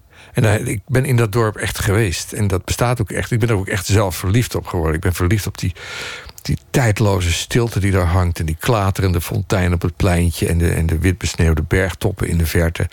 En dan die aandoenlijk lullige manier waarop die mensen daar proberen eh, de leegloop tegen te gaan in zo'n dorpje met allemaal dichtgespijkerde winkels en dan toch nog eh, ja, wandelstokken van berkentakken gesneden verkopen en, en, en schaap, eh, schaapsvachtvesten verkopen en petjes en dat soort dingen. Dus dat, dat greep mij wel dat vond ik heel aandoenlijk.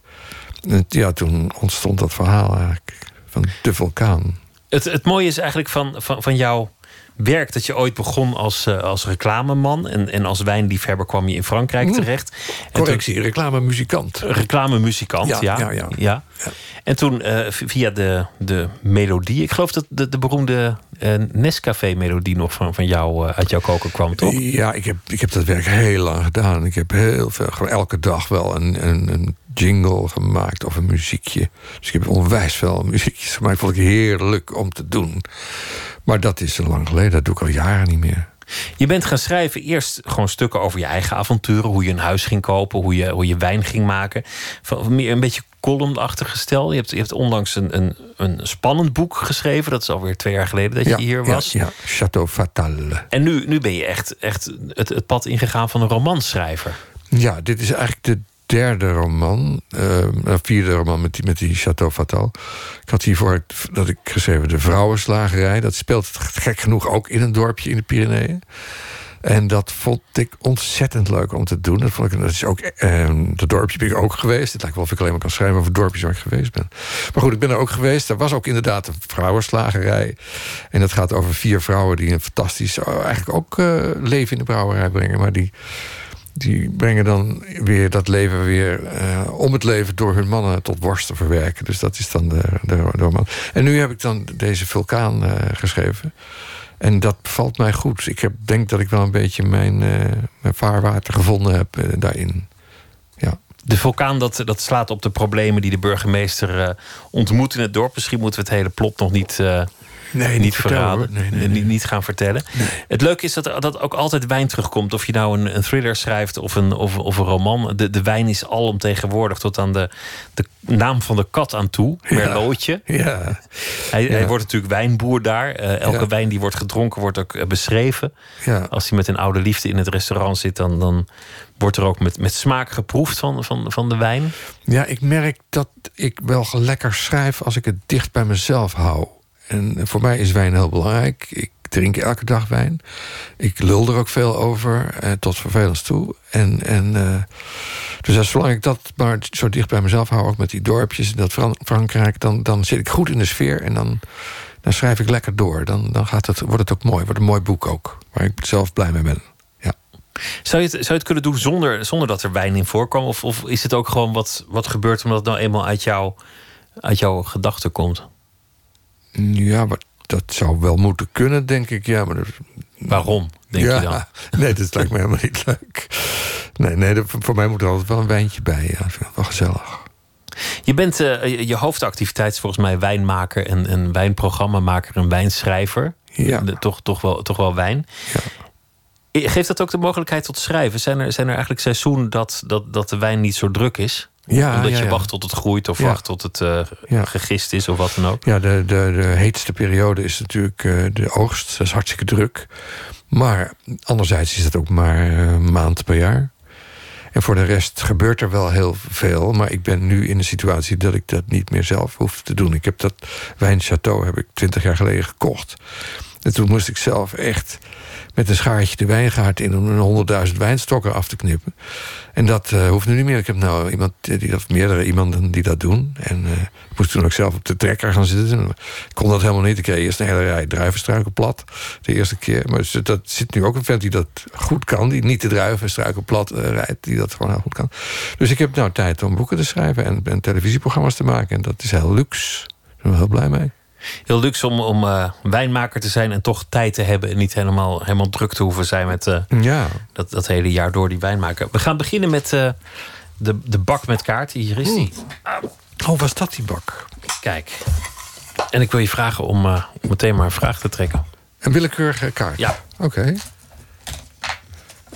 Nooit meer slapen staat erop. En aan de andere kant staat de... Aan de andere kant, waarin ben je schaamteloos? Wijn drinken. Wijn drinken? Ja, dat is een inkoppertje. Ja, schaamteloos. Ik ben scha als ik in een restaurant een wijn drink... bestel van de wijnkaart een fles... en die fles bevalt me niet... dan zeg ik, uiteraard heel vriendelijk... maar deze wijn vind ik niet lekker, ik ga hem niet opdrinken. En hoe dat dan verder gaat, dat maakt mij niet uit. Als die ober zegt, ja maar meneer, u heeft hem gekozen, u moet hem betalen. Nou prima, dan betaal ik hem, maar ik wil wel een andere fles. Ik ga niet een avond zitten verknallen met een fles uilen, uilen niet lekkere wijn. Dat doe ik niet. Als, als wijn in je leven zo belangrijk is en je zult maar zoveel avonden op planeet Aarde hebben. Precies. Waarom, waarom zou je dan gore wijn drinken terwijl Ja. er zoveel lekkers uit te proberen ja, is? Exact, dat wil ik niet. En, en desnoods eh, ga, ik drie flessen door, of vier flessen door. Ik wil gewoon echt lekker wijn drinken. Maar als je vier flessen moet bestellen voor je één lekker hebt, dan, zul je niet, dan kom je niet meer terug in dat restaurant. Nee, maar dat gebeurt niet vaak.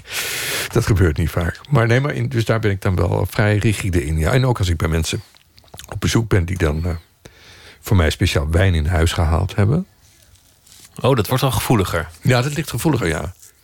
Maar ik heb eh, in mijn rugzak dan altijd een, eh, een fles nootwijn bij me. Ik die mensen niet ken. Voor het geval er niks. En ook in je kofferbak, bij wijze van spreken, altijd wel iets liggen voor het geval Ja. je ergens komt Ja. waar het, eh, ja, waar als, het het moeilijk wordt. als die mensen dan komen met een fles rosé van vijf jaar oud... of met een fles Beaujolais primeur... dan zeg ik van nou, dat is hartstikke lief. We gaan hem even proeven. Maar voor straks heb ik dan een echte wijn. Neem nog een vraag als je wil. Heb je wel eens iemand bedrogen? Ja, ik heb zeker wel eens iemand bedrogen, ja. Ja. Ja, ik weet wel één anekdote die, eh, die in je boek stond. Wat is van een van je boeken. Wat dan? Dat, dat, je, dat je één wijn had gemaakt waar je expres heel veel hout eh, in, in had gestopt om, eh, om, om een bekende proefnotitiemaker te foppen. Die erom bekend stond dat hij altijd van, eh, van, van eh, hout gelagerde wijnen Ja, hield. ja, ja, ja, daar hebben we toen inderdaad eh, specifiek een hele handvol houtsplinters in die wijn gedaan. En die man, maar hij heeft er nooit op gereageerd. Dat is wel jammer eigenlijk. En verder? Oh ja, nee, heel veel. Bij allerlei, in het klein en in het groot heb ik heel veel mensen bedrogen, ja. Dat klinkt wat heftiger dan ik het eigenlijk bedoel, maar... eh, ik heb mezelf ook wel eens bedrogen met dingen dat ik dacht van, nou, dat, dat ga ik doen. Dat, dat, eh, eh, dat, dat, dat speel ik wel klaar, dat kan ik wel. En dat bleek ik dan toch niet te kunnen. Dus dan iets wat me dan van het begin af aan tegenstond of zo. Ik heb er eigenlijk helemaal geen zin in. Maar ik moet het doen, ik ga het doen, ik kan dat wel. Ik blijf wel overeind. Maar dan halverwege moest ik toch afhaken. Nee, ik- dit trek ik niet. Ik ga, dat niet, eh, ik ga dit niet leuk vinden. Maar Ja. dan doe ik het ook echt niet. Dus dat is dan weer... Nou, dat is dan weer eh, waar, waar je het bedrog over wint. Ja. Neem er nog geen. Ja. Wanneer verloor je je onschuld? Pff. Wanneer verloor ik mijn onschuld? Geen flauw idee. Ik denk eigenlijk dat ik mijn onschuld nooit verloren ben. Want ik tuin nog steeds overal met wijn- wijd open ogen in.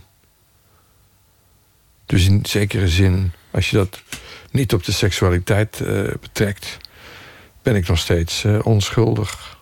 Vind ik eigenlijk wel, ja.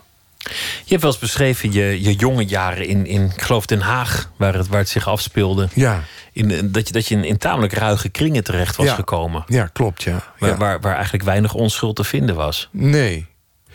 Nee, dat is heel gek, maar eigenlijk is dat toch ook wel weer een soort onschuld, vond ik daar. Dat- Omdat die mensen die staan vrij eh, laag op de evolutionaire ladder, die gewoon meteen erop slaan. En, en, en ook zeggen van nou, hij heeft mijn broer geslagen, nou ga ik hem slaan.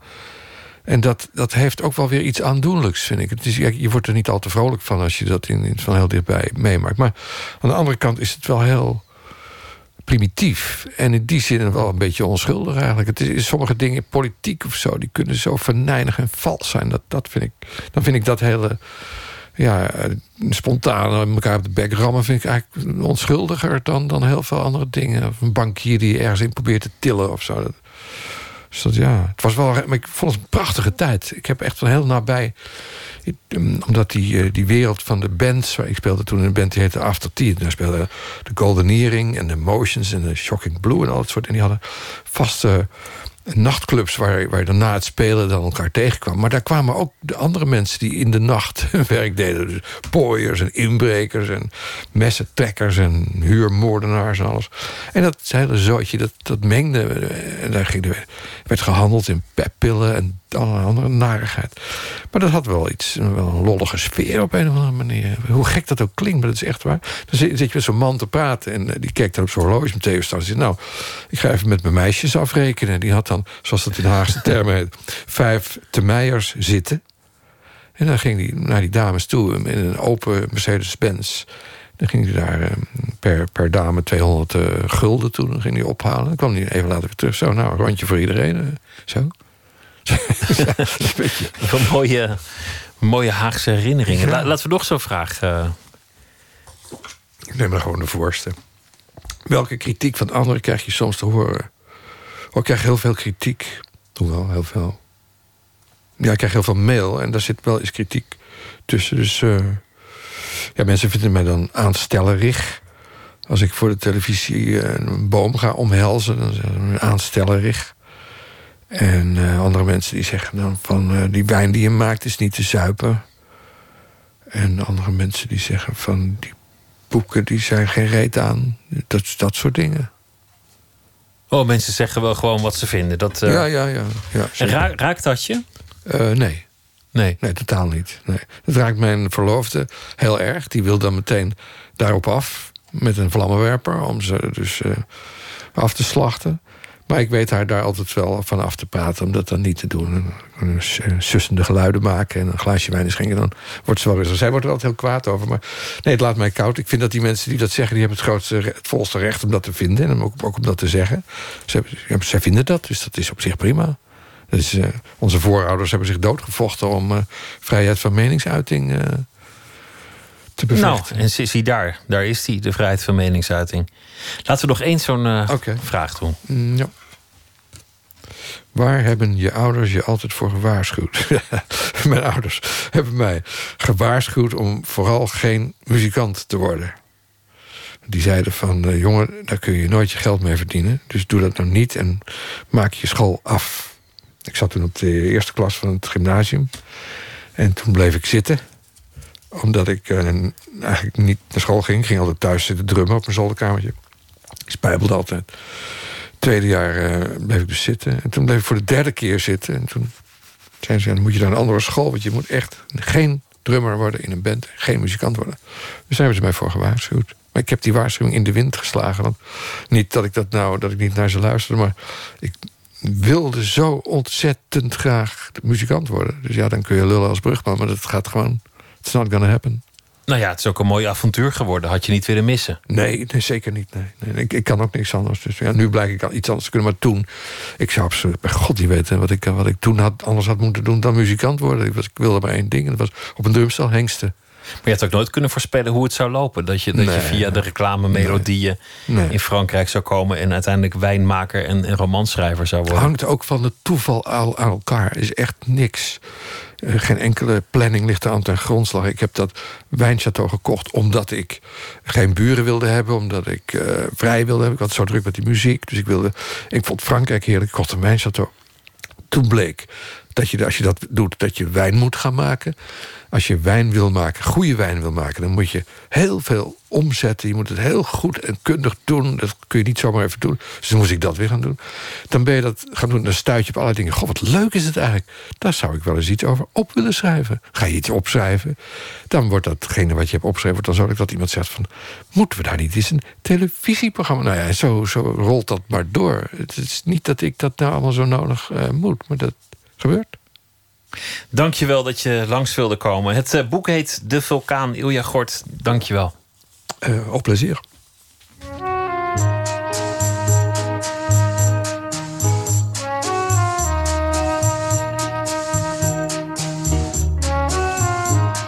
I give him all my love.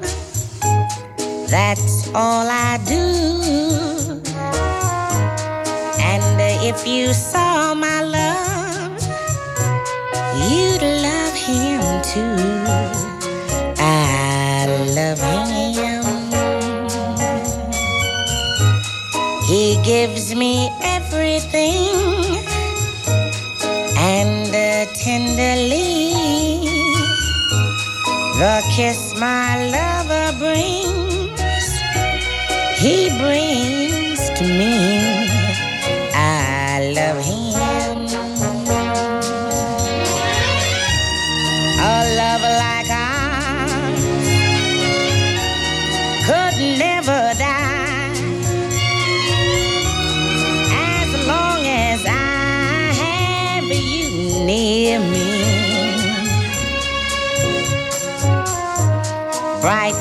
Stars that shine, dark is the sky. I know this love of mine will never die. I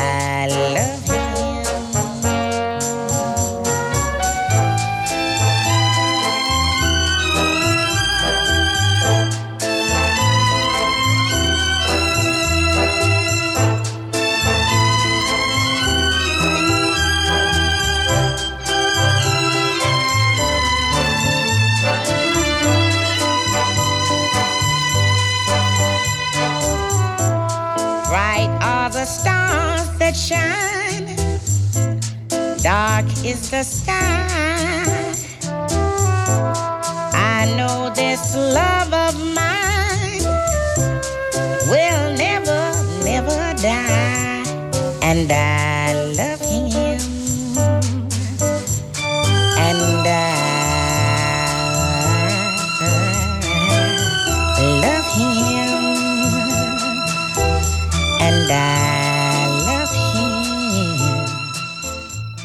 Esther Phillips, een eh, Amerikaanse soulzangeres die al jong succes had in de jaren 50.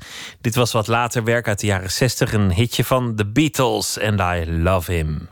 Eén minuut. Deze is gemaakt door Bente Hamel. De titel is Schildpad. Pst. Eén minuut.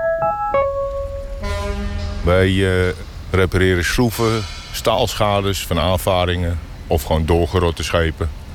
Dat doet Chipdog. Het is zwaar werk hier. Als je de hele dag met grote stukken ijzer loopt te sjouwen... of met grote voorramers loopt te slaan...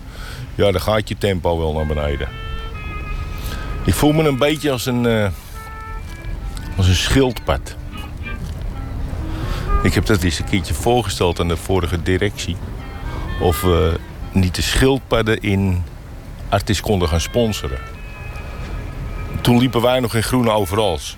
En ik dacht, nou, die schildpadden die hebben ook een groen jasje aan. Die hebben een helmpje op, dat hebben wij ook allemaal. Die hebben ons tempo. 2500 gulden vond de directie te veel om uit te geven om daar te sponsoren. Dus toen is het niet doorgegaan. Maar ja, ik vond dat het wel bij ons hoorde.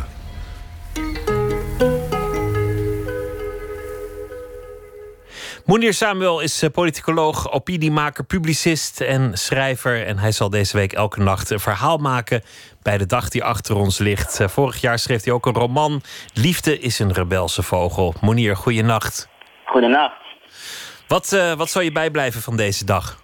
Nou, ik had dus een mooi braaf mijn stuk geschreven. En toen keek ik naar het nieuws en dacht... oh-oh, ik ben alweer door de actualiteit ingehaald. Mijn column is een stuk minder explosief dan de gebeurtenissen op eh, Brussel Centraal. Maar ehm, ja, de aanslag die gelukkig geen doden achterliet... zal toch wel het nieuws van de dag zijn, denk ik. Ja, maar daarvoor was er ook allerlei nieuws dat, dat toch Precies, was belangrijk ik leek. heel erg eh, met argusogen aan het volgen. En er was iets waar mijn eh, mannelijke feministische hart van in opstand kwam. Dus ja, daar heb ik mij maar op gestort vandaag. Je mannelijk feministische hart, wat was het? Ehm, zal ik maar gewoon beginnen? Ja, doe dat. doe dat. Oké, deze is dus eh, hoogst explosief. dus het demissionaire kabinet gaat zich toch buigen over de kraamverlofregeling in Nederland. Van twee betaalde en drie onbetaalde vrije dagen krijgt de partner nu dan wellicht toch vijf echte vrije en betaalde dagen. Een karig doekje voor de vuile billetjes die de daaropvolgende weken door moederlief zullen moeten worden verschoond. De kraamverlofregeling is een van de vele zaken waarin Nederland niet alleen op de rest van Europa achterloopt, maar ook laat zien hoe ouderschap feitelijk een moederschapskwestie is. De partner, of dit nu een tweede moeder of de al dan niet biologische vader van het kerstverse kind betreft, mag mooi de centjes binnenhalen en de carrière voortzetten terwijl de biologische moeder de zorg voor het kind op zich dient te nemen. Alsof negen maanden zwangerschap en bevallen al niet genoeg verantwoordelijkheid zijn. De beperkte visie op de cruciale eerste maanden met de baby is een catastrofale fout.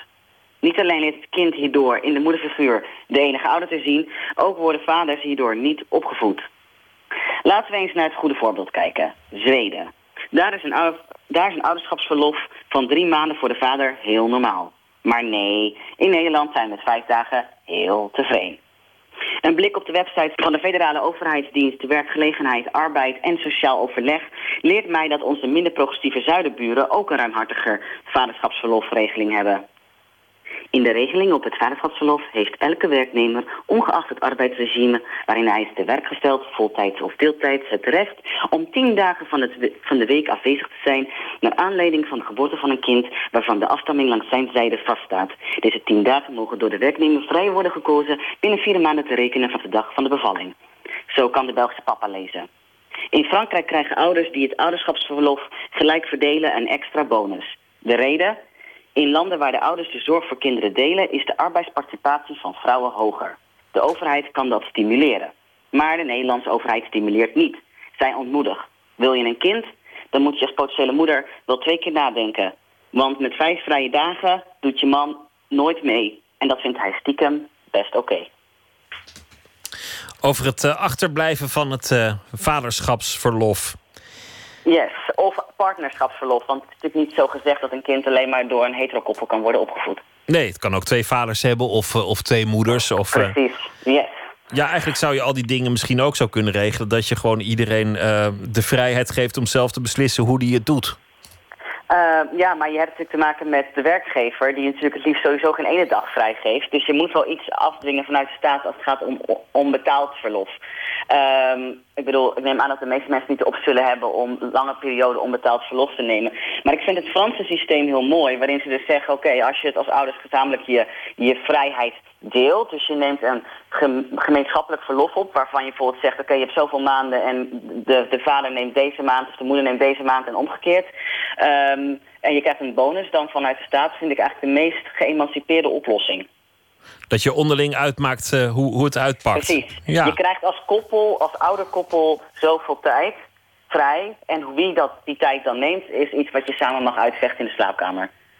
Heb je het zelf aan de hand of aan de hand gehad recentelijk? Nee, helaas niet. Helaas niet. Maar eh, ik weet wel dat ik niet de moeder van mijn kind zal zijn. En dat ik vijf dagen ernstig karig vind, eh, wat dat betreft. Ja, vijf dagen op een mensenleven, dat is, eh, dat is zo voorbij, denk ik. Ja, die eerste weken van, van, van je kind wil je toch meemaken. En, en, en je wilt ook volgens mij de, de moeder steunen. Maar goed, dat, eh, Ik ben vast veel te geëmancipeerd in deze. Ja, ja misschien. Ja, ik, ik, eh, ik kan me er ook wel van alles bij voorstellen. Monier, dankjewel. Goeie Graag. Graag Yes. tot morgen. Tot morgen. Steve Earle heeft een nieuw album, So You Wanna Be an Outlaw. Hij gaat eh, terug naar eh, waar hij ooit vandaan kwam, de country muziek. En eh, van dat album draaien we News from Colorado.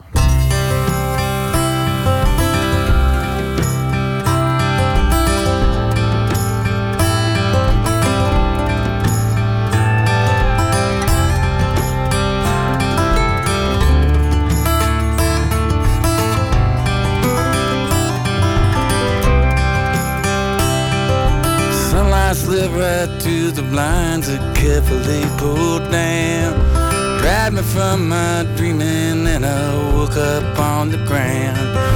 Phone's ringing by my head just like I knew it would. News from Colorado's never good. My brother stole another car to holding him downtown. Sister's telling everyone he's in the army now. Mama only says the things that daddy says she should. News from Colorado's never good.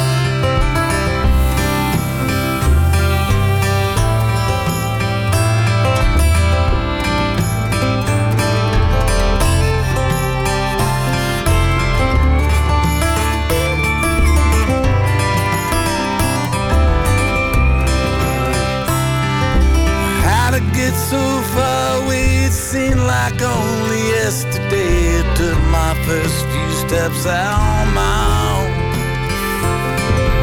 Looking in the mirror now, I see a thousand miles, and somehow Colorado doesn't feel like home.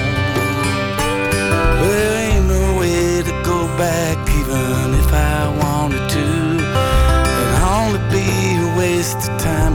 nothing I can do. Breaks my heart, but somehow I've always understood. News from Colorado's never good. News from Colorado. News from Colorado.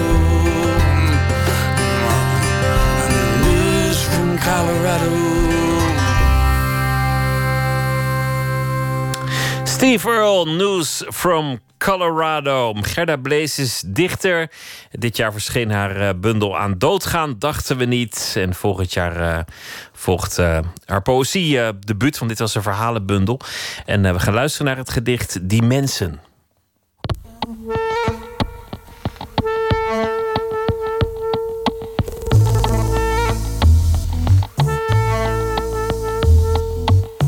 Die mensen. Jong water. Voor die mensen is het toch een realiteit. Ze zien pasgeboren druppels op straat kapot spatten. Proberen uit alle macht regenplassen op schoot te nemen. En s'nachts zijn ze bang dat de kanalen niet kunnen slapen als de deur niet op een kier blijft. Die mensen. Ze dwalen door de wijk met afgesleten plastic tasjes in hun hand en vragen naar de dingen die je weet, maar aan niemand anders uit kunt leggen. Ze proberen holtes in het lichaam te ontdekken waar die dingen in gevangen kunnen blijven. Soms rollen ze over de grond, met hun kin tegen hun borst gedrukt. Hun lichamen zo harig en rond als tennisballen. Het gedicht is eigenlijk geïnspireerd op mensen die ik eh, wel eens zie lopen. Vroeger, toen ik in een eh, buitenwijk van een stad woonde, zag ik die vaker lopen dan nu ik in een mooi dorp woon. Eh, een beetje verlopen types met plastic tasjes, die eruit zien alsof ze niet precies weten hoe het allemaal zit. En je kunt al snel denken dat dat soort mensen eigenlijk helemaal niet interessant zijn of eigenlijk een beetje afgeschreven zijn. Uh, maar het zou misschien ook wel kunnen dat die mensen juist dingen begrijpen die wij niet begrijpen. En dat was eigenlijk het uitgangspunt voor het schrijven van dit gedicht. Die mensen.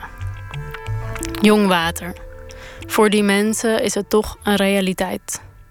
Ze zien pasgeboren druppels op straat kapot spatten, proberen uit alle macht regenplassen op schoot te nemen en s'nachts zijn ze bang dat de kanalen niet kunnen slapen als de deur niet op een kier blijft. Die mensen, ze dwalen door de wijk met afgesleten plastic tasjes in hun hand en vragen naar de dingen die je weet, maar aan niemand anders uit kunt leggen. Ze proberen holtes in het lichaam te ontdekken waar die dingen in gevangen kunnen blijven. Soms rollen ze over de grond, met hun kin tegen hun borst gedrukt. Hun lichamen zo harig en rond als tennisballen. Gerda Blees las het gedicht Die Mensen. Morgen Nooit meer slapen kunstenaar Diana Scherer. Aanstaande vrijdag opent een nieuwe tentoonstelling Spectrum Crops in uh, Amsterdam. En het gaat over uh, het gevolg van verschillende golflengten en het effect daarvan op planten. En ze is ontwerper van uh, heel veel andere dingen. Momenteel ook in Tilburg is zijn ontwerpen van haar uh, te zien. En dan gaat het over textiel. En in het Fotomuseum in Rotterdam zijn ook uh, foto's van haar uh, te bekijken. Op alle plekken dus te bewonderen deze week. En morgen zit ze hier. Wens ik u een hele goede nacht en graag weer tot morgen.